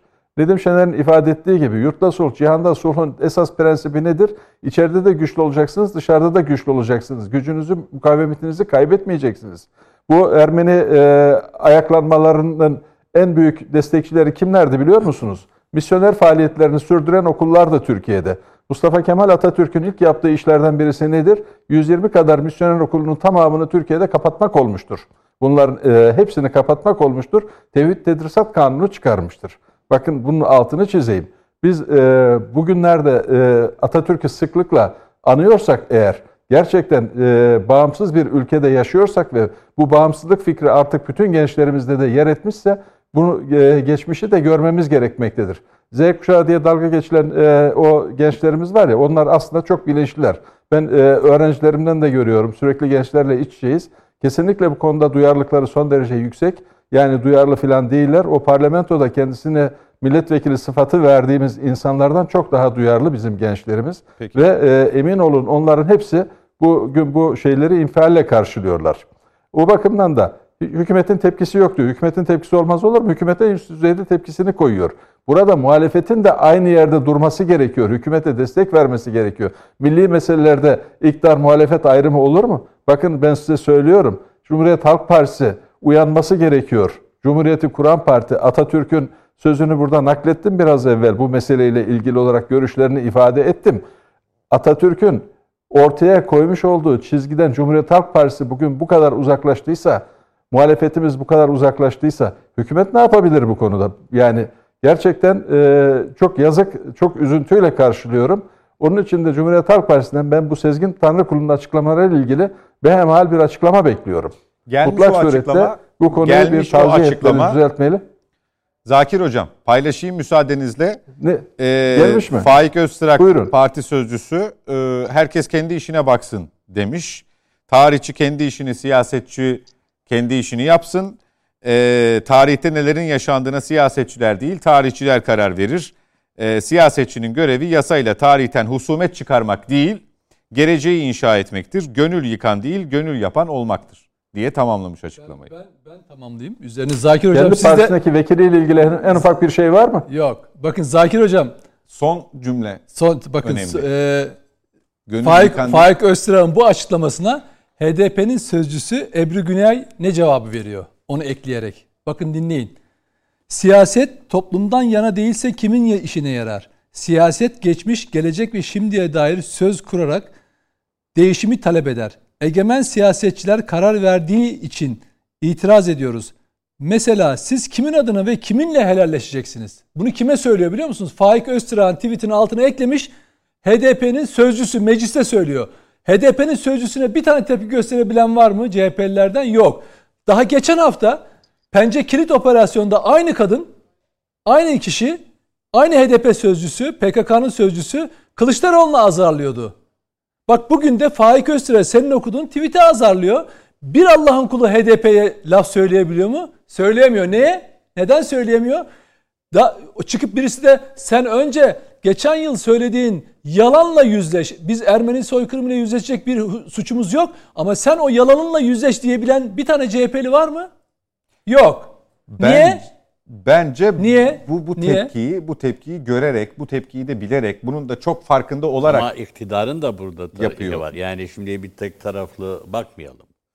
Türkiye'de ilk defa bu yolu açan bildiriyi yayınlayan kişi bugünkü Cumhurbaşkanımız 23 Nisan 2014 yılında taziye lafını kullanarak, sözcüğünü geçirerek yayınlamıştır. O tarihte bunu yayınlarken örneğin Cumhuriyet Halk Partisi adına Farukluoğlu geç kalınmıştır. Taziye kelimesinin de altını çizerek eee, bu bile bir aşamadır demiştir. Davutoğlu o tarihte elimiz açıkta kalmasın. Dışişleri Bakanı olarak konuşmuştur. Arkasından başbakanken yani yine AK Parti adına eee Hrant Dink'in ki siz çok uğraşıyorsunuz o işler. 8. ölüm, ölüm yıl dönümünde yine bu konunun tartışılmasının 24 Nisan'ın özgürlük olduğunu söylemiştir. Bütün bu düşünceleri AK Parti zaviyesinden ise merak eden baksın Sabah gazetesinde eee Markar Esinyan, eee, Eseyan. Eseyan eee, yazdığı yazıda bunları verir tek tek. Şimdi mesela geçen- ben geçen hafta alıntı yaptım. Tabii mesela mesela şimdi e, Babacan'a kızıyoruz. Babacan'ın söylemi, Davutoğlu'nun söylemi o tarihteki bulunsun taziye mesajları içinden cımbızla çekilmiş cümlelerdir. Bir konuda eğer siz ben bir şey yapıyorum derken sonrasını düşünmezseniz biraz evvel siz ben onu söylemek istemedim siz maç meselesine getirdiniz. Çok farklı bakarsanız sonradan karşınıza gelir. Türkiye'de belki bir gün ayrı bir konudur bu. Ben böylesi bir doktora e, tezinin jürisinde bulundum ee, ve çok ciddi bir tez diyor. Ee, sistem karşıtı e, siyasal faaliyetler ve örnek olarak AK Parti olayını veriyor. Sistem karşıtı olarak her zaman milli menfaatler her şey unutuluyor. Herkesin derdine çare buluyorum diye çıkılıyor oy peşinde. Sonra iktidar olduktan sonra geriye bir dönüş manevrası yapılmak isteniyor. Zorlanılıyor. Hatırlayalım. 12 Eylül'e kadar 12 Eylül'e kadar Ermeni davasında diaspora yoktu gündemde. Yani diasporadan çok terör vardı. Asal, asal örgütü, var. asal örgütü vardı. O zaman bu soykırımdan söz eden yoktu. Ne zaman asal örgüt ortadan kalktı? Yavaş yavaş bu 12 Eylül'de yani demokratikleşmenin ortadan kalktığı, muhalefet edenlerin susturulduğu, cezalandırıldığı dönemlerde farkında olmadan iktidardakiler işte bazı kesimleri de mutlu edelim derken kendi kalelerine gol atarlar. Ve kendileri iktidar oldukları zaman karşılarına bu devasa bir şekilde gelir. Şimdi bu konuda unutulmaması gereken bir şey var. Artık hiçbir şey gizli kalmıyor. En aldığınız gizli karar bile eyleme sokmak istediğiniz zaman karşı taraf aracılığıyla haberdar oluyorsunuz. Burada biz tartışmayı şöyle götürüyoruz. Onun için hata yapıyoruz.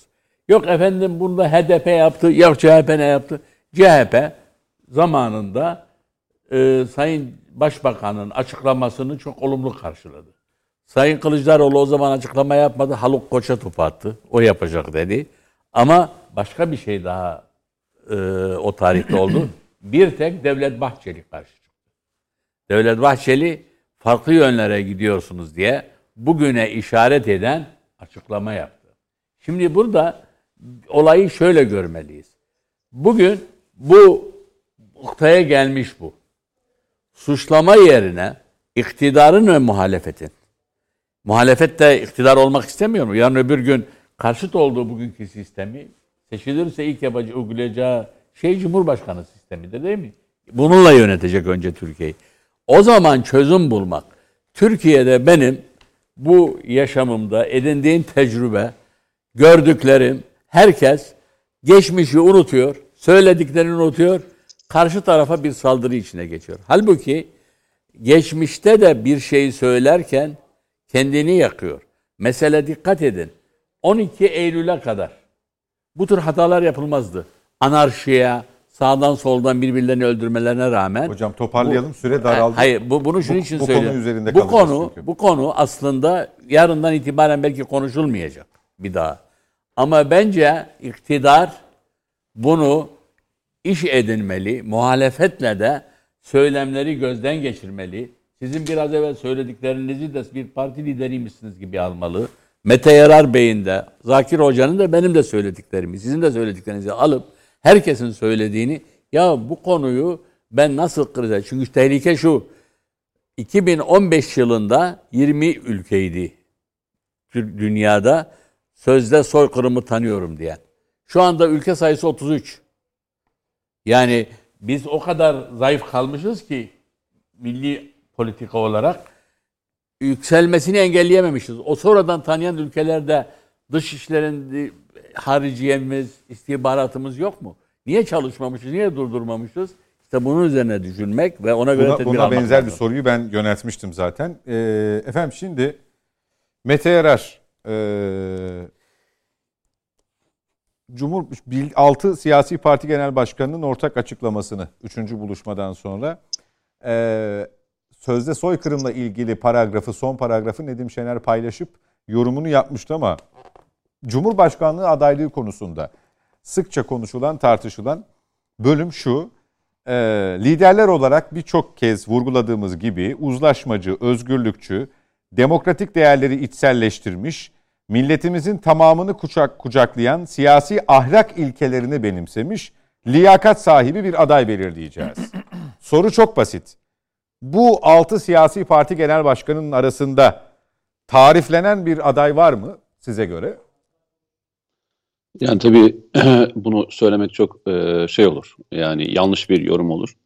E, ona e, benim karar vermem mümkün değil. Ama şöyle bir şey var.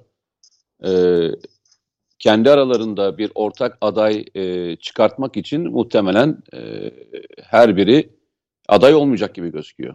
Yoksa dediğim gibi öbür türlüsünde yani bunlar bu tarife uyuyor mu? Çünkü o tarif biraz e, uymuyor deseniz Başka Ee, türlü bayağı, uyuyor deseniz e, başka türlü. Yok yok hayır. Çok e, hayır ondan değil. Hani biz bir şey söylüyoruz ya bazen e, zaman zaman Masum Bey de diğer siyasetçiler de e, söylediğimiz kelimelerden bir tanesi şu. Siyaseti e, yukarı doğru çekemezsek e, hepimiz aşağı doğru gidiyoruz. Bravo. Çünkü Türkiye Büyük Millet Meclisi bizi temsil ediyor. Yani 85 milyonu temsil eden bir yerden bahsediyoruz. Yani o yüzden de e, e, biz zaman zaman e, burada bütün konuşmalarımızda e, nezakatimizden, benzetmelerimizden e, yapmadan gidiyoruz. Yani siyasi eleştiri yapmaya çalışıyoruz. Siyasi eleştiri de şahıs üzerinden değil, yaptıkları ve söylemler üzerinden, fikri üzerinden tartışmaya devam ediyoruz. Ama dediğiniz gibi sizin söylediğiniz şey biraz fiziki e, şartlara girdiği için ben yorum yapmayacağım dedim. Çünkü şahıs yorumu e, çok da doğru bir yorum olmayacaktır. Ama şu bir gerçek, hep bunu tartışıyoruz kendi aramızda. E, eğer e, içlerinden bir tanesinin zaten aday olup kazanabileceği inanmış olsalardı, e, zaten şu ana kadar e, o isim üzerinde uzlaşmışlardı. Bu bu tarif ettikleri şahsın o olmadığı anlamına gelmediği için değil tek başına birisinin seçimi kazanamayacaklarını düşündükleri için farklı bir aday üzerinde yine e, masanın erken devrilmemesi veya masanın erken yıkılmaması adına e, hala bekleme içinde kaldıklarını söylüyorum. Yoksa e, söylemten ötesine bugüne kadar bu altı siyasi partinin ortaya ne koyduğunu söylerseniz bana ne dersiniz? Yani parlamenter sistem haricinde yani parlamenter sisteme geçişle ilgili vaat dışında ortak ne karar aldılar? Ortak karar şu. Parlamenter sisteme geçeceğiz. Ee, Cumhurbaşkanı e, Erdoğan'ı e, seçimle e, seçimle yeneceğiz. Bunun dışında siz ekstra bir vaat, ekstra bir yönelim, ekstra bir açıklama, ekstra bir e, proje ortaya konduğunu gördünüz mü? İsterseniz bu ekonomi olsun, diğer şeyler olsun. E, Zaten seçim sonuçlarından önce yapılan şu ana kadarki anketlerde de hani e, hani Masum Bey e, sıklıkla şunu söyler. Bizi e, yıktılar ama bizim yıkılmamızda e, ana faktörlerden bir tanesi yurt dışındaki e, projeydi. Ama e, seçimi kaybetmemizdeki en önemli konulardan bir tanesi ekonomi demişti hatırlarsanız. Yani bizi ekonomi üzerinden vurdular ve ekonomi üzerinden bir seçimi kaybettik. Şimdi düşünebiliyor musunuz? Yani zaman zaman kirayı tartışıyoruz. Kim, zaman zaman elektrik parasını, işte benzini, gıdayı, enflasyonu tartışıyoruz. Ama e, geçmişte yaşanan örneğin bir benzeri büyük bir e, oy e, kaybı yaşanmıyor. Bence asıl tartışılması gerekenlerden bir tanesi e, neden teveccühün e, büyük bir değişim yapılarak e, e, başka bir yöne doğru kaymadı bunun önemli sebeplerinden bir tanesi yalnızca ekonominin olmadığını, hani söylüyoruz ya bu toplum feraset sahibi insanlardan oluşuyor. Ee, tercihlerinde ve oluşumlarında her zaman aklı ve vicdanını bir kere bırakmıyor. Büyük bir kesim bu şekilde. Bu, bu büyük kesimin e, tepkisi altı siyasi partinin de geleceğini belirleyecek. E, onların söyleminden çok e, açıkçası ben onlara şunu sorayım. Neden hala çok büyük bir değişim olmuyor. Seçim anketlerinde neden büyük bir değişim yaşanmıyor? Normalde e, bu kadar hani sıkıntının yaşandığı bir ortamda Masum Bey'in de partisinin başına gelen o zamanki hükümetin başına gelenin birebir aynısının e, geleceğini düşünebilirsiniz ama gelmiyor. Peki. Bu biraz da e, Nedim'in de e, diğer e, arkadaşların da zaman zaman konuştukları konulardan bir tanesi. Bugünkü yaşandığımız, yaşadığımız sorunların hiçbiri, bakın bugün yaşadığımız sorunların hiçbiri yalnızca e, ekonomiyi düzeltmekle baş edilecek sorunlar değil çünkü. İsterseniz Ukrayna'ya bakın, ister Doğu Akdeniz'e bakın, isterseniz PKK konusuna bakın, isterseniz işte e, Türkiye'nin yaptığı e, farklı farklı yerlerdeki açılımlara bakın. Bu açılımlardan bir tanesini eksik yapsanız, istediğiniz kadar ekonomik olarak bir yerlere gidin, sizi aşağı çekeceğini artık bu toplum biliyor. Çünkü çok uzun zamandan beri e, bunu başaramayan ülkelerin gözü önünde, komşularının gözü önünde nasıl yıkıldıklarını e, birebir yaşayan bir e, tarihi süreçten geçiyor. Bu insanların gözü yok mu? Bu insanların kulağı yok mu? Bu insanların e, yaşananlarla ilgili endişeleri yok mu? Yani bence altı lider e, hangi cumhurbaşkanı adayının niteliğini açıklamaktan çok onun arkasında duran bu siyasi e, oluşumun ne olduğunu açıklamak zorunda olduklarını düşünüyorum. Bence merak Peki. edilen konu bu. Peki. Nedim Şener girmeyecektim konuya ama e, yani şöyle girmeyecektim. girmem lazım. Hayır hayır bunu bu değil. E, şimdi Mete söyledi. O yüzden buraya bir parantez açmak durumundayım. E, Osman Kavala kararını başta söylemiştim. E, mahkemenin Gezi Parkı davası ile ilgili. E,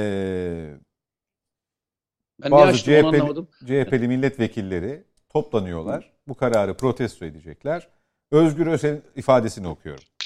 Hani dedi ya Mete siyaseti üste tutmadığımız sürece biz baş aşağı gidiyoruz. Ee, buna istinaden aslında böyle bir soru zihnimde oluştu. Hükümeti ortadan kaldırmaya teşebbüs suçundan hapis cezası alan Kavala'nın özgür olduğunu dile getiriyor Sayın Özgür Özel. Bu bir görüştür. Ama sonraki cümle Erdoğan andolsun ki mahkum olacaktır. Bunun müsebbibi odur. Bunu şimdi geçelim altılı masayı he- her şeyden ari bir şekilde yorumlayalım. Siyaseten tepkinizi ortaya koyabilirsiniz. Yargı kararıdır, tartışılmaz, saygı duyulması gerekir ama fikrinizi söyleyebilirsiniz. Yanlış bulduğunuz yönünde kanaat belirtebilirsiniz. Bunu milletvekilleriyle bir e, protest, protesto şeklinde de ifade edebiliriz. Bu nedir ama? Bunu bana bir söyler misin? Şimdi tabii karar kararla ilgili zaten hukuken yani bir mahkemede yapılmış bir e, alınmış bir karar ver ve 3 heyet üyesinden bir tanesi de şerh koymuş. Demiş ki mahkumiyet kararları yani buradaki suçlamalar e, telefon tapelerine dayanmaktadır. E, bunlar da fiiliyatta e, realize olmamış. Yani orada konuşulan Karşılığı konular karşılığı delillendirilememiş. Dolayısıyla beraat etmeliler. E, diğer sanıkları tutuklanmamalıdır diye zaten şerhini koymuş. Şimdi olayı hukuken böyle çözebilecekken siz gerilimi daha da arttıracak. Yani yargı buna herhalde alet olmaz ama siyaseten olayı tar- bu bu noktaya tartışmaya götürmek demek işi çözümsüz hale getirmek demek. Bu orada yargılananlar açısından yani yargılananlar bu şekilde konuşmuyorken bir siyasetçinin bunu konuşmasının sadece taktiksel bir e, amacı olabilir. O da şu Kavala davasına, Dem- Demirtaş davasına yine bahsediyorum. Amerika'nın, Avrupa'nın gösterdiği ilgi farklı. İşte işte Türkiye'de hani kutup sonradan kutuplaşmadan şikayet ediyorlar ya. İşte onun e, nasıl daha etkili olacağını, kutuplaştırma nasıl yaygınlaştıracağını en iyi örnekleri sadece Özgür Özel değil, diğer başka milletvekilleri de yaptılar. Yani şimdi şu anda iktidara iktidar elinde bulunduran milletvekilleri veya partililer karşı tarafı aynı şekilde tehdit etse hangi ifadeleri kullanırlar? Yani nefsini müdafaa adına ne hangi ifadeleri kullanırlar? Ki bunlar milletvekili. Ya bunlar milletvekili. Mesela hukukçu milletvekilleri daha da var. Hukuk e, kararı o şekilde değerlendiriyor ve bu işin istinaf mahkemesi var, yargıda yaşaması var. Muhtemelen bozulabilir. Anlatabiliyor muyum? Karar geri alınabilir, itiraz Temiz. sonuç temizden sonuç alınabilir. Olay öyleyken siz bakın ortada özne kayboluyor. Davanın öznesi, yargılananlar kayboluyor. Siz siyasi kavganızı yapıyorsunuz. Hep bu hep bu gerçekleşiyor. Yani bir mağduriyet orada ma- mağdur olanların insanları değil. Önemli olan onların siyasi kavgayı yap- yapabilmesi. Onu yeri, onu icra ediyorlar. Başka bir şey değil. Peki. Ee, Ben bu Şimdi- konuda bir şey söyleyeceğim. Yani davayla ilgili olarak mesela Mimarlar Odası Başkanı Cella Hanım zannedersem 72 yaşında. Ekonomik durumu ortada, kirada oturuyor. Şu anda bu işi finanse etmişsin diye suçlamak hukukun kendisine şüpheye düşündüren bir yapı hazırladığı gibi ben burada başka şey daha çekmek istiyorum. Mete Yarar biraz evvel tarihi hatırlattı bize. Hani 2001 krizine nasıl geldik, 2002'de nasıl gittik. Ben o işaretleri şu anda görüyorum. Yani şu anda görüyorum. O dönemi en iyi bilenlerden. Tabii tabii en iyi bilenlerden. Önce ben dışarıda milletvekili olarak takip edip bazı bizim partinin bile adına yapılan bazı şeylere muhalefet ederdim. Mesela Merkez Bankası'nın hani bu meşhur bağımsızlaştırma falan hikayesi anlatılıyor ya. Bununla ilgili bulsunlar meclisteki tutanakları plan bütçede ben karşı çıktım. Türkiye'nin geleceğini karartıyorsunuz dedim. Hatta o zaman bir bakan gitti ya masum bile karşı dedi. Beni şikayet etti. Ceza olarak da bana genel kurulda sen savun dediler. Genel kurulda cümleme başlarken kadere bakın. Yukarıda komisyonda muhalefet ettim şimdi savunuyorum dedim. Ve söylediğim şey bugün Türkiye'nin başına gelendir. Hiçbir ülkenin merkez bankası, hiçbir ülkenin merkez bankası o ülkedeki işsizlikten, o ülkedeki ekonomik büyümeden, o ülkedeki adaletsizlikten yani ekonomik olarak gelir dağılımının adaletsizliğinden uzak kalamaz. Ama biz Türkiye'de öyle bir yaklaşım yaptık ki sırf küresel düzene işlesin diye şu anda Merkez Bankası'nın web sayfasında bir yazar. Fiyat endeks yani fiyat istikrarını korumaya yönelik şey fiyat istikrarını da koruyamıyoruz. Bugünkü hükümetin de başına gelen o. Yani e, ben fazla konuşmak istemiyorum. Üzülecekler beni dinleyenler. Özellikle AK Parti'ye bu politikaları hazırlayanlar ya da AK Parti olanlar beni linç edecekler ama bilsinler. Şu anda Üzülmelerine mi hazır değilsiniz? Hayır üzülmelerine değil ya. Bazıları, bazıları Masum Bey'in söylediği birçok konuya teşmil edilebilir. Terörle mücadele konusu olsun, ekonomi, sosyal diğer konular olsun her konuya teşmil edilebilir. Mesele şu kolaycılığı noktasında. Nasıl olsa Erdoğan var. Erdoğan'ın karizması toplumda çok büyük. Nasıl olsa bir şekilde çözer. Oyları bir şekilde çözer sonradan üretildi. Vallahi ben Sorun filmi, yokken şey. Bu filmi yaşadım. Yok yok şunu demek istiyorum. Aynen ya, şöyle bazı, diyorlardı. Diyordum ya yapmamız lazım. Bakan olmuşum. Ya canım son dakika Ecevit öyle bir laf söyler ki her şey diyor. Ya gidiyoruz. Bizi koymuşlar yani suyun içinde çıkma ihtimalimiz yok. Büyük bir akıntıya kapılmışız. Şimdi bunu niye Siz de söylüyorum? az tuzakla karşılaşmadınız. Ta- ta- efendim? Siz de az tuzakla karşılaşmadınız. Tabii canım ben birçok tuzakla. Şimdi bakın ben şöyle söyleyeyim. Ee, neden üzülüyorum AK Parti adına da? Bu mübarek günde konuşuyoruz değil mi? Bir şey söylüyoruz filan.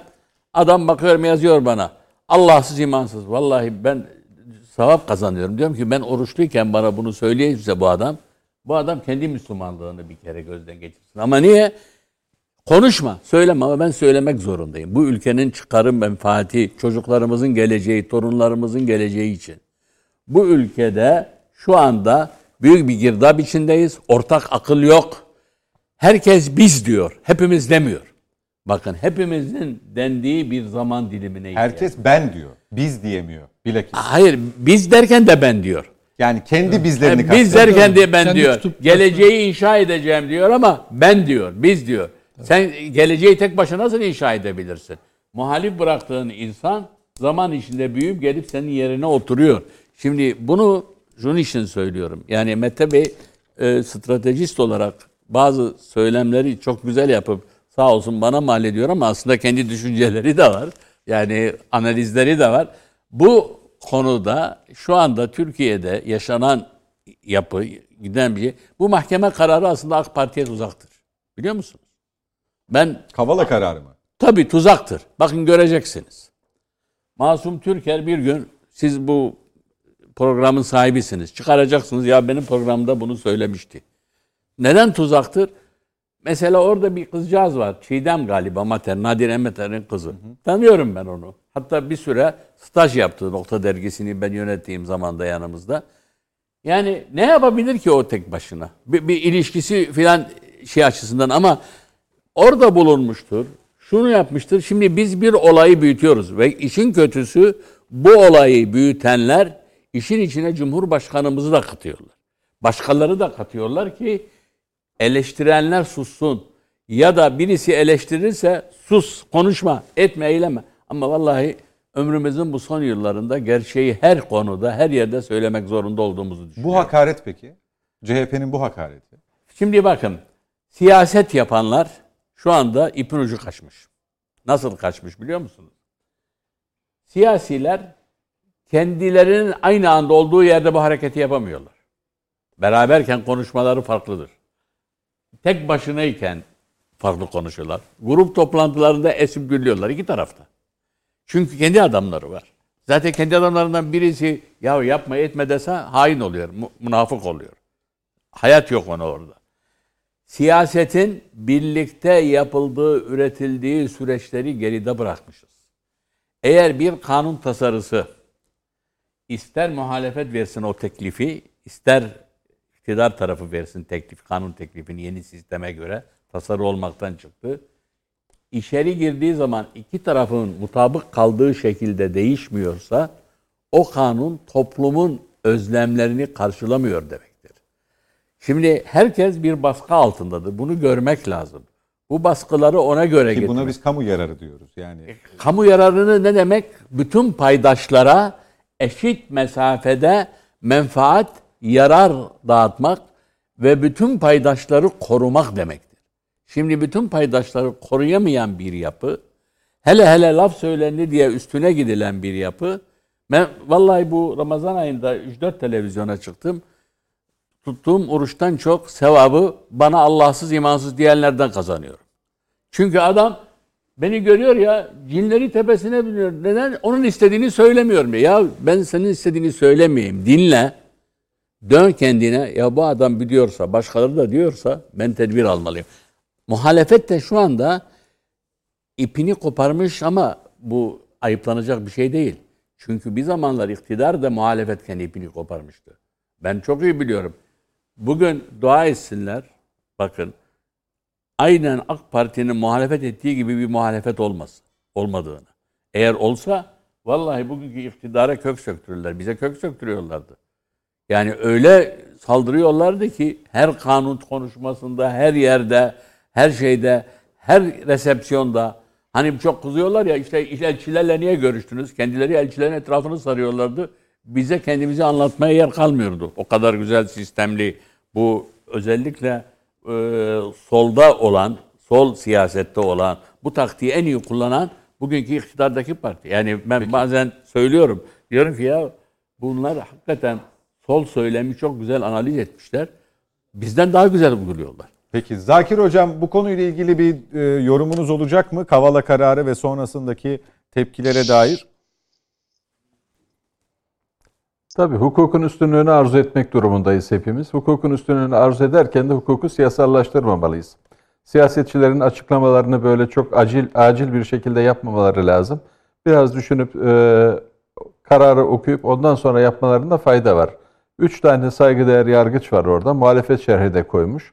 Muhalefet şerhi koyanın e, ne demek istediğine bakmak lazım. Karar verenlerin e, ne demek istediğine bakmak lazım. Ondan sonra e, bir yorum yapılacaksa yapmak lazım. Çok hızlı bir şekilde yorum yaptığımız zaman bu bizi yanıltır ama esas e, ortada bir mağduriyet varsa o mağduriyette derinleştirir. Çünkü yargılama e, ilk derece mahkemesinde bitmiştir. İtiraz yolları açıktır biliyorsunuz. İstinafı var biraz evvel ifade edildiği gibi bunun. Yargıtay safhası var. Çok kıymetli avukatları var yine. Mutlaka e, bütün hukuki yolları kullanacaklardır. Dolayısıyla da şimdi e, siyasi bir baskı altına almak e, yargı mercilerini çok doğru bir şey değildir. Siyasetçiler açıklama yaparlarken böyle bir tesir yaratacaklarını da düşünmeleri lazım. Bizim için burada en önemli şey nedir? Hukukun tecelli etmesidir. Yargının hiçbir şekilde kimsenin mağdur olmasına meydan vermeyecek bir şekilde bir hüküm ortaya koymasıdır. Bu da aklı selim ile olur. Makul bir yaklaşım ile olur. Çok siyasallaşmış bir davadır kuşkusuz ki en başından itibaren. Çok müdahil olan taraf vardır, uluslararası taraflar vardır. Bu bakımdan da kamu vicdanını e, tatmin edecek şekilde bir kararın oluşumu kuşkusuz ki hepimiz açısından çok önemlidir.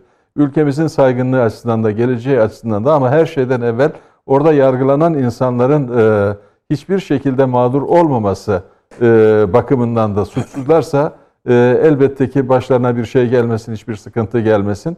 Suçlarsa suçlu neyse cezasını çeksin. Bütün arzumuz budur. Hukukun üstünlüğü lazımdır. Hukuk hepimize lazımdır. Siyasallaştırdığımız andan itibaren ister lehe ister aleyhe o zaman hukuktan uzaklaştırırız. Buna dikkat etmesi lazım siyaset kurumunun. E, açıklamaları da böyle e, kamplaştırıcı bir dille değil, daha e, böyle aklı selim ile yapmakta fayda var diye düşünüyorum ben bu konuda. Peki. Mete Yarar, e, gelelim şu geçen hafta, e, daha doğrusu hafta sonuna doğru e, yaşanan hafta ortasıydı. E, tam olarak günü oydu, çarşambaydı. Elektrik hadisesine. Bu e, CHP açısından, Sayın Kılıçdaroğlu açısından bir gelenek haline geldi. E, faturanın ödenmemesi, elektriğin kesilmesi, bunun e, sosyal medya aracılığıyla duyurulması, sonra Sayın Bakan'ın açıklamaları, onun tekrar yalanlanmış olması falan böyle aslında senin az önce söylediğin siyaseti yükseltme çabasına, girişimine e, zarar veriyor gibi bir fotoğraf ortaya çıkıyor. Yani bunu e, az önce sen de söyledin ya bir, bir, bir gerçeklik varsa üzerinde bu gerçekliği reddederek siyaset yapmanın o gerçekliği görmeye hiçbir faydası yok. E, buradaki yapıcılık siyasi aktörler tarafından elbette belli argümanlarla ortaya konacaktır ama marketteki pahalılığın, elektrik faturasındaki fahiş artışların e, yokmuş gibi hareket edilmesi ne kadar yanlışsa e, bunu ifade etme şeklinin tırnak içinde şova dönüştürülmesi de çok e, istifade edilebilir gibi gelmiyor sanki bana. Ne dersin? Ben e, demin kaldığım yerden devam edeyim. Çünkü bu aslında sorduğun soru demin konuşmamın e, devamına yol evet, açıyor. Evet bir parçası aslında evet. E, aslında öyle. E, aramızda tek siyasetçi e, Masum Bey. E, diğer hiçbirimiz bir siyasi partide bir görev almadık. Ben en azından e, öyle biliyorum e, diğer e, arkadaşlara, hocalarım dahil olmak üzere.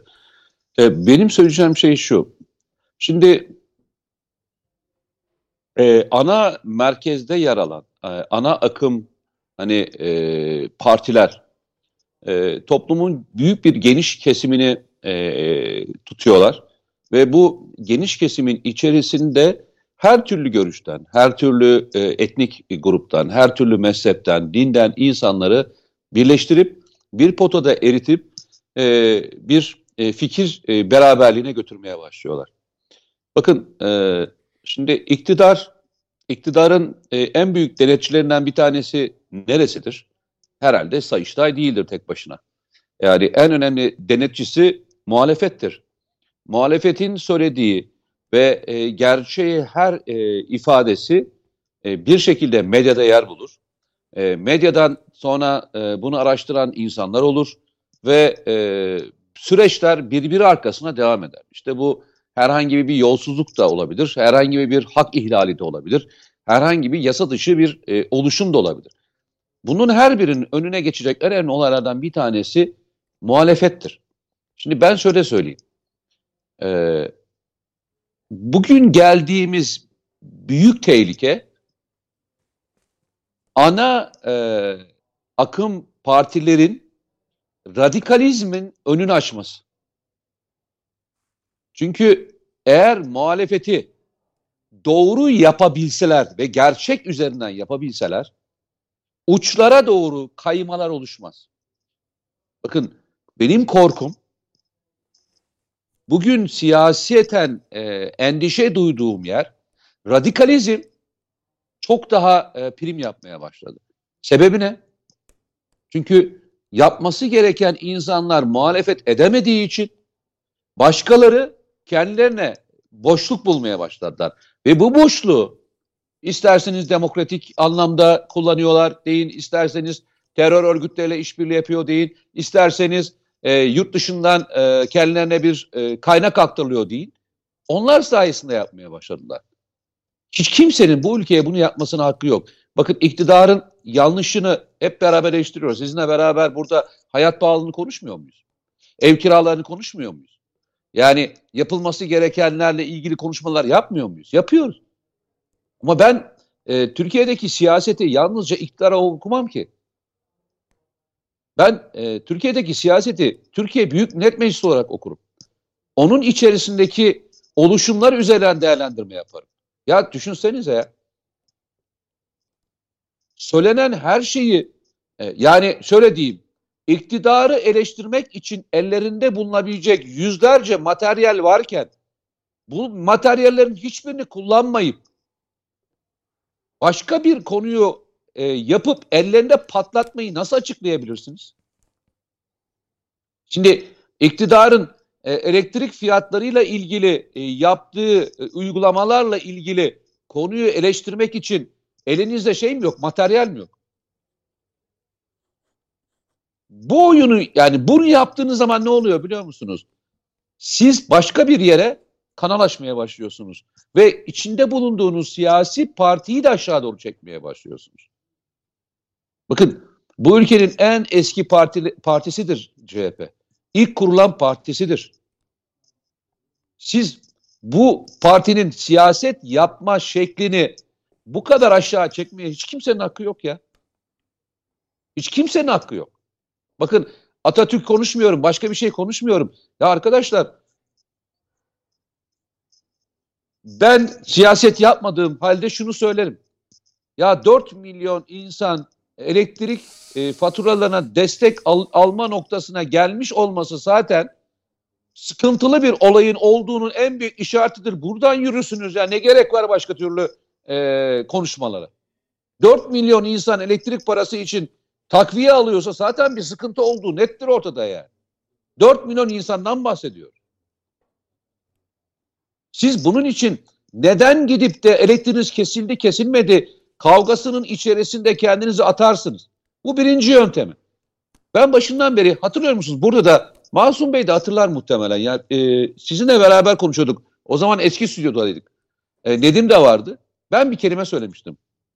Demiştim ki Kılıçdaroğlu danışmanlarına bence bir e, bakması gerektiğini söylemiştim. Hatırlıyor musunuz? Çünkü o kadar çok ısrarla Kılıçdaroğlu'nu offside'a düşürüyorlar ki. Yani bir insan bir defa hata yapabilir, teknik olarak hata yapabilir, görüşme olarak yapabilir, birçok şeyde hata yapabilir. Ya düşünsenize 4 milyon insanın elektriğinin kesik olduğunu söylemek başka bir şeydir. Ve bu rakamın aslında olmadığının ortaya çıkması başka bir şeydir. Siz o zaman ne diyeceksiniz? Bu rakamı kim verdi size? Bakın bu bir değil, iki değil, üç değil, dört değil, beş değil. Biz her defasında Sayın Kılıçdaroğlu'nun söylediği rakamların öyle olmadığını konuşuyoruz. Tabii ki Sayın Kılıçdaroğlu gidip tek başına bu rakamları toplamıyorlar. O zaman şöyle söyleyelim. Kılıçdaroğlu'nun sonrasına mı birisi hazırlık yapıyor sorusunda ben sorayım o zaman. Bakın Türkiye'de siyaset e, normal şartlar altında yapılmalı ve normal şartlar altında icra edilmeli. Ne kaset kumpaslarıyla, ne içerideki farklı e, komplolarla, ne farklı farklı organizasyonlarla, darbelerle, onlarla bunlarla devrerek yapmamalı. Her siyasi parti kendisinin nasıl genel başkanını seçeceğine adil olarak kendi ses sistemi içinde karar vermeli. Siyaseten de ülkenin en çok oyunu alan parti bizi yönetmeli. Ya şimdi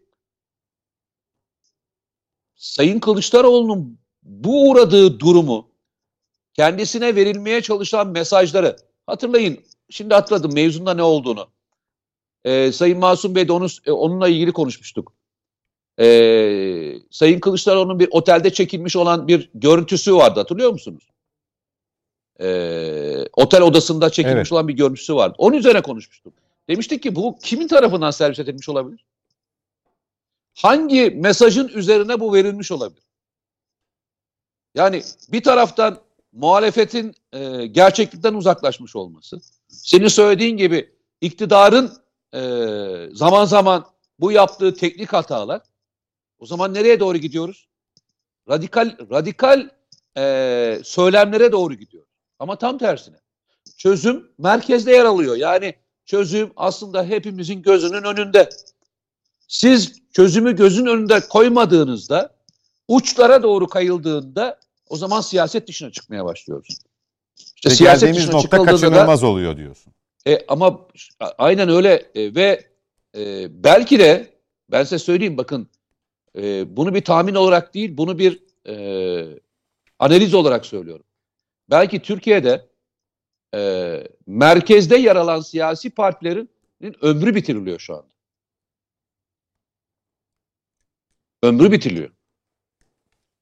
Yani uç, e, uçta daha önce hiç duymadığımız partilerin yer aldığı partiler için bence bir havuz da açılıyor şu anda. Bunun örneklerini biz geçmişte eee, özellikle eee Masum Bey çok eee, yani sol kesimden geldiği için bilir. Eee, bunu çok rahatlıkla şeyde görebilirsiniz. Güney Amerika'daki ülkelerde çok rahat da görebilirsiniz bu versiyonu. Yazık oluyor. Gerçekten Türkiye'ye Peki. yazık oluyor. Yani eee, ya bu kadar gerçek var ya. Bu kadar gerçek var. Ben ana muhalefet partisi liderinin söylediği her bir e, söylemi dikkate almalıyım. Alarm olarak kabul etmeliyim. Uyarı olarak kabul etmeliyim. Ve ondan dert çıkartıp kendimi kendimi yapabileceğim bir şey var mı diye e, düşünmeliyim. Düşünebiliyor musunuz? Ben üstüne üstlük Sayın Kılıçdaroğlu söylediğinde ben üç defa daha teyit ediyorum. Bunun neresi doğru? Peki teşekkürler Mete Yarar. Nedim Şener. Ben teşekkür ederim. Bir de şeyle ilgili bir şey söyleyebilir miyim? Kava davasıyla ilgili. Evet. Yani biz bunu geçmişteki olgularda gördük. Yani Ergenekon, Balyoz ve diğer süreçler dahil olmak üzere geçmişteki yaşanan süreçlerde dahil olarak gördük. Ee, hukuk delillendirilmediği müddetçe, delillendirilmediği müddetçe e, maalesef problem yaşıyoruz. Bravo. Hukuk deliller üzerinden, hukuk deliller üzerinden kanaat bildirmeli. Bunu Kavala davası için söylemiyorum yalnızca. Birisinin suçlu olduğuna karar verebilecek olan o delilleri doğru bir şekilde toplamalıyız arkadaşlar. Bunu biz ne zaman konuşmuştuk hatırlıyor musun? E, Nedim çok iyi hatırlar.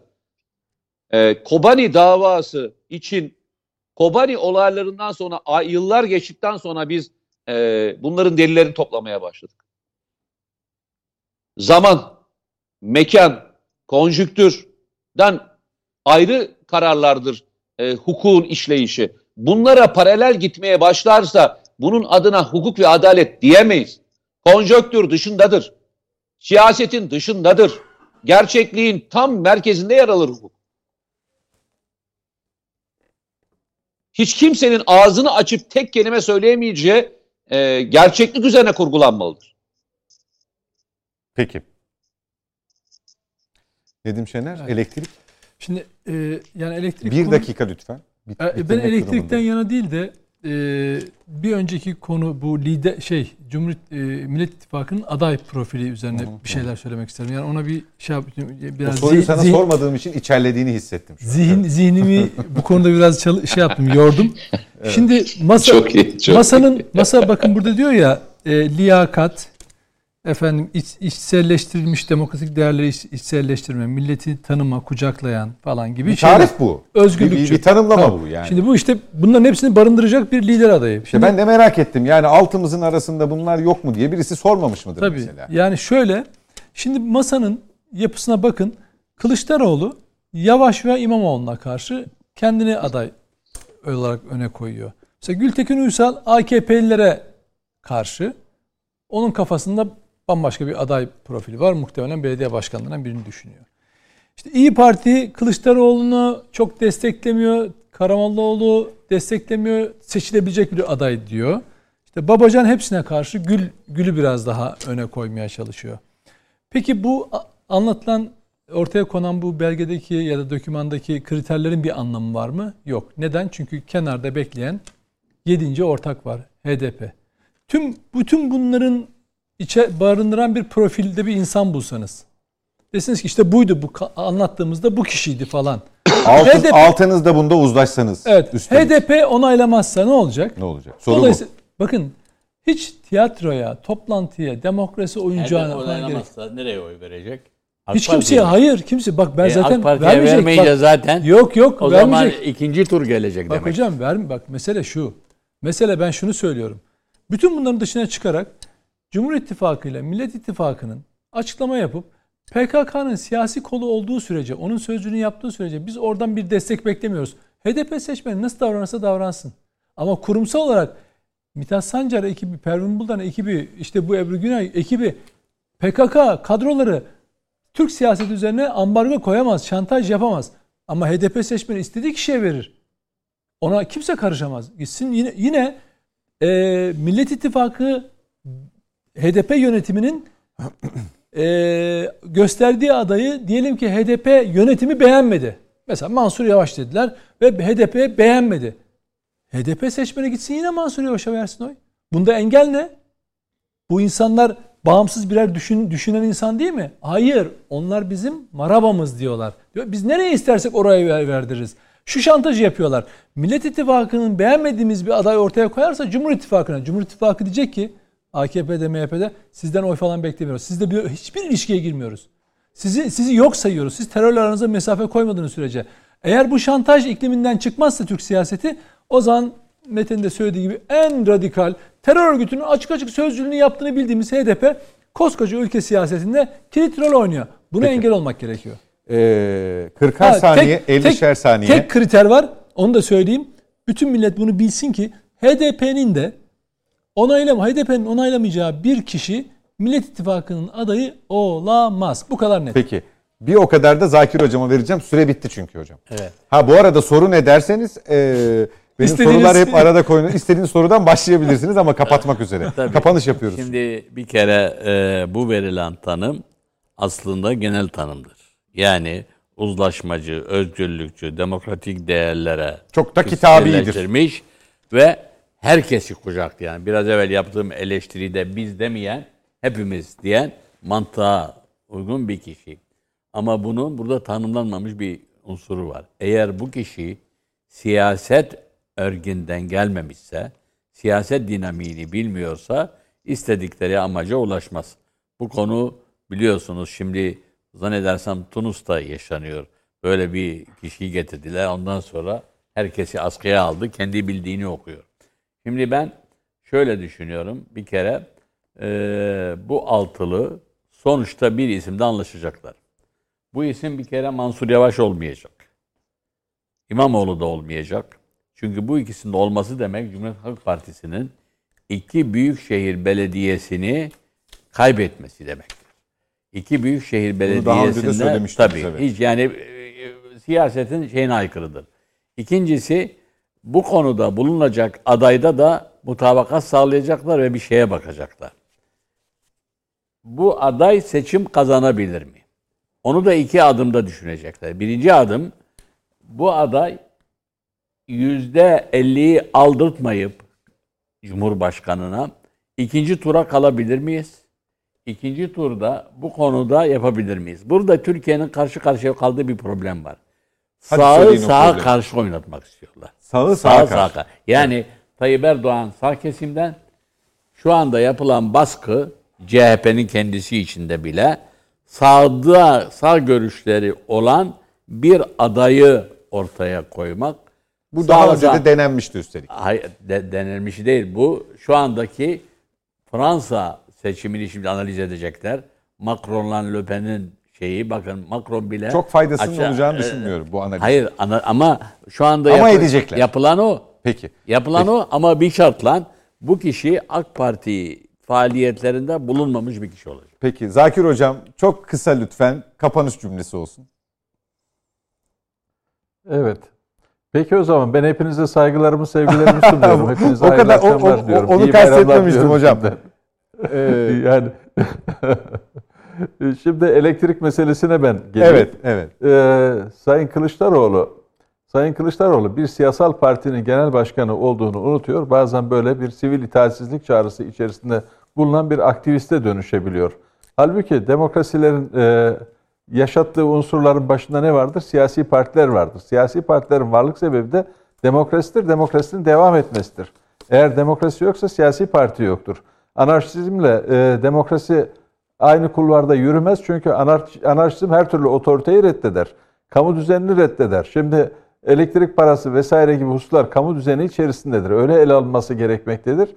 Ee, eğer siz muhalefet partisi olarak itiraz edebilirsiniz kuşkusuz ki enerji maliyetlerine. Ee, burada ezilen insanları da savunabilirsiniz. Rakamları da eksecere edebilirsiniz. Tekim sürekli Sayın Kılıçdaroğlu'nun yaptığı şey bu. Hesap uzmanı olduğu halde rakamlarla başı belada. 3 milyon 495 bin kişi diyor. Bunu 4 milyona yuvarlıyor biliyorsunuz. Sonra Sayın Bakan çıkıyor diyor ki 278 bin e, tüm sektörlerde kapalı olan e, elektrikleri şu anda diyor. E, tabii şimdi kapalı olmanın da birçok faktörü vardır. Mesela Evet. iş yerinizi kapatırsınız, elektriği de kapatırsınız. Evden taşınırsınız, elektriğinizi kapatırsınız. Yani bu açma kapama işlemleri vardır biliyorsunuz. Pek çok sebeple taşınırsınız, kapatırsınız. Bütün bunlar o istatistiklere dahildir. Hepsi fatura ödememekten kaynaklı kapatılmalar falan da değildir. Yani şimdi bir siyaset yaparken bunları bilmemek e, veya bunları araştırmamak, danışmanlarınızın bu kadar böyle e, bu hususlara eğilmeden hareket etmesi gerçekten sizi yanılgılara götürür Mete'nin söylediği gibi. Geçmişte bunu da şeyde yaptılar biliyorsunuz yine.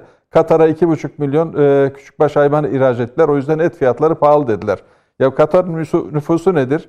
Türkiye'nin e, yıllardır canlı hayvan ihracatı nedir? Bir bakmak lazım. Yani 2019'da 167 bin toplam ihracatı canlı hayvan olarak, 2020'de 106, 156 bin, 2021'de e, 264 bin.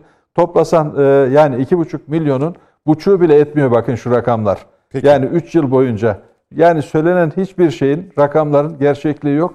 Sayın e, Kılıçdaroğlu rakamlarla konuşturuyorlar ama rakamlarla konuştururken de rakamlarla aldatıyorlar. Bunu da yapanlar muhtemelen kendi danışmanları. Esas biraz onlara dikkat etmesine fayda var diye düşünüyorum ben. Peki efendim çok teşekkür ediyorum. Zakir Hocam size de görüşlerinizi bizimle paylaştığınız ve Ankara Stüdyo'da konuğumuz olduğunuz için. Mete Yarar teşekkürler. Nedim Şener. Ben teşekkür ederim. Sayın Bakanım tekrar çok teşekkür ediyorum geldiğiniz için. Ayağınıza sağlık. Bu hafta bitiriyoruz efendim programı. Önümüzdeki hafta malum bayram. E, o gün yokuz. Sonraki hafta yani 15 gün sonra tekrar görüşeceğiz. E, önümüzde Kadir Gecesi ve bayram var. Şimdiden yaklaşan bu iki önemli mübarek günü tebrik ederek huzurlarınızdan ayrılıyoruz efendim. Hoşçakalın.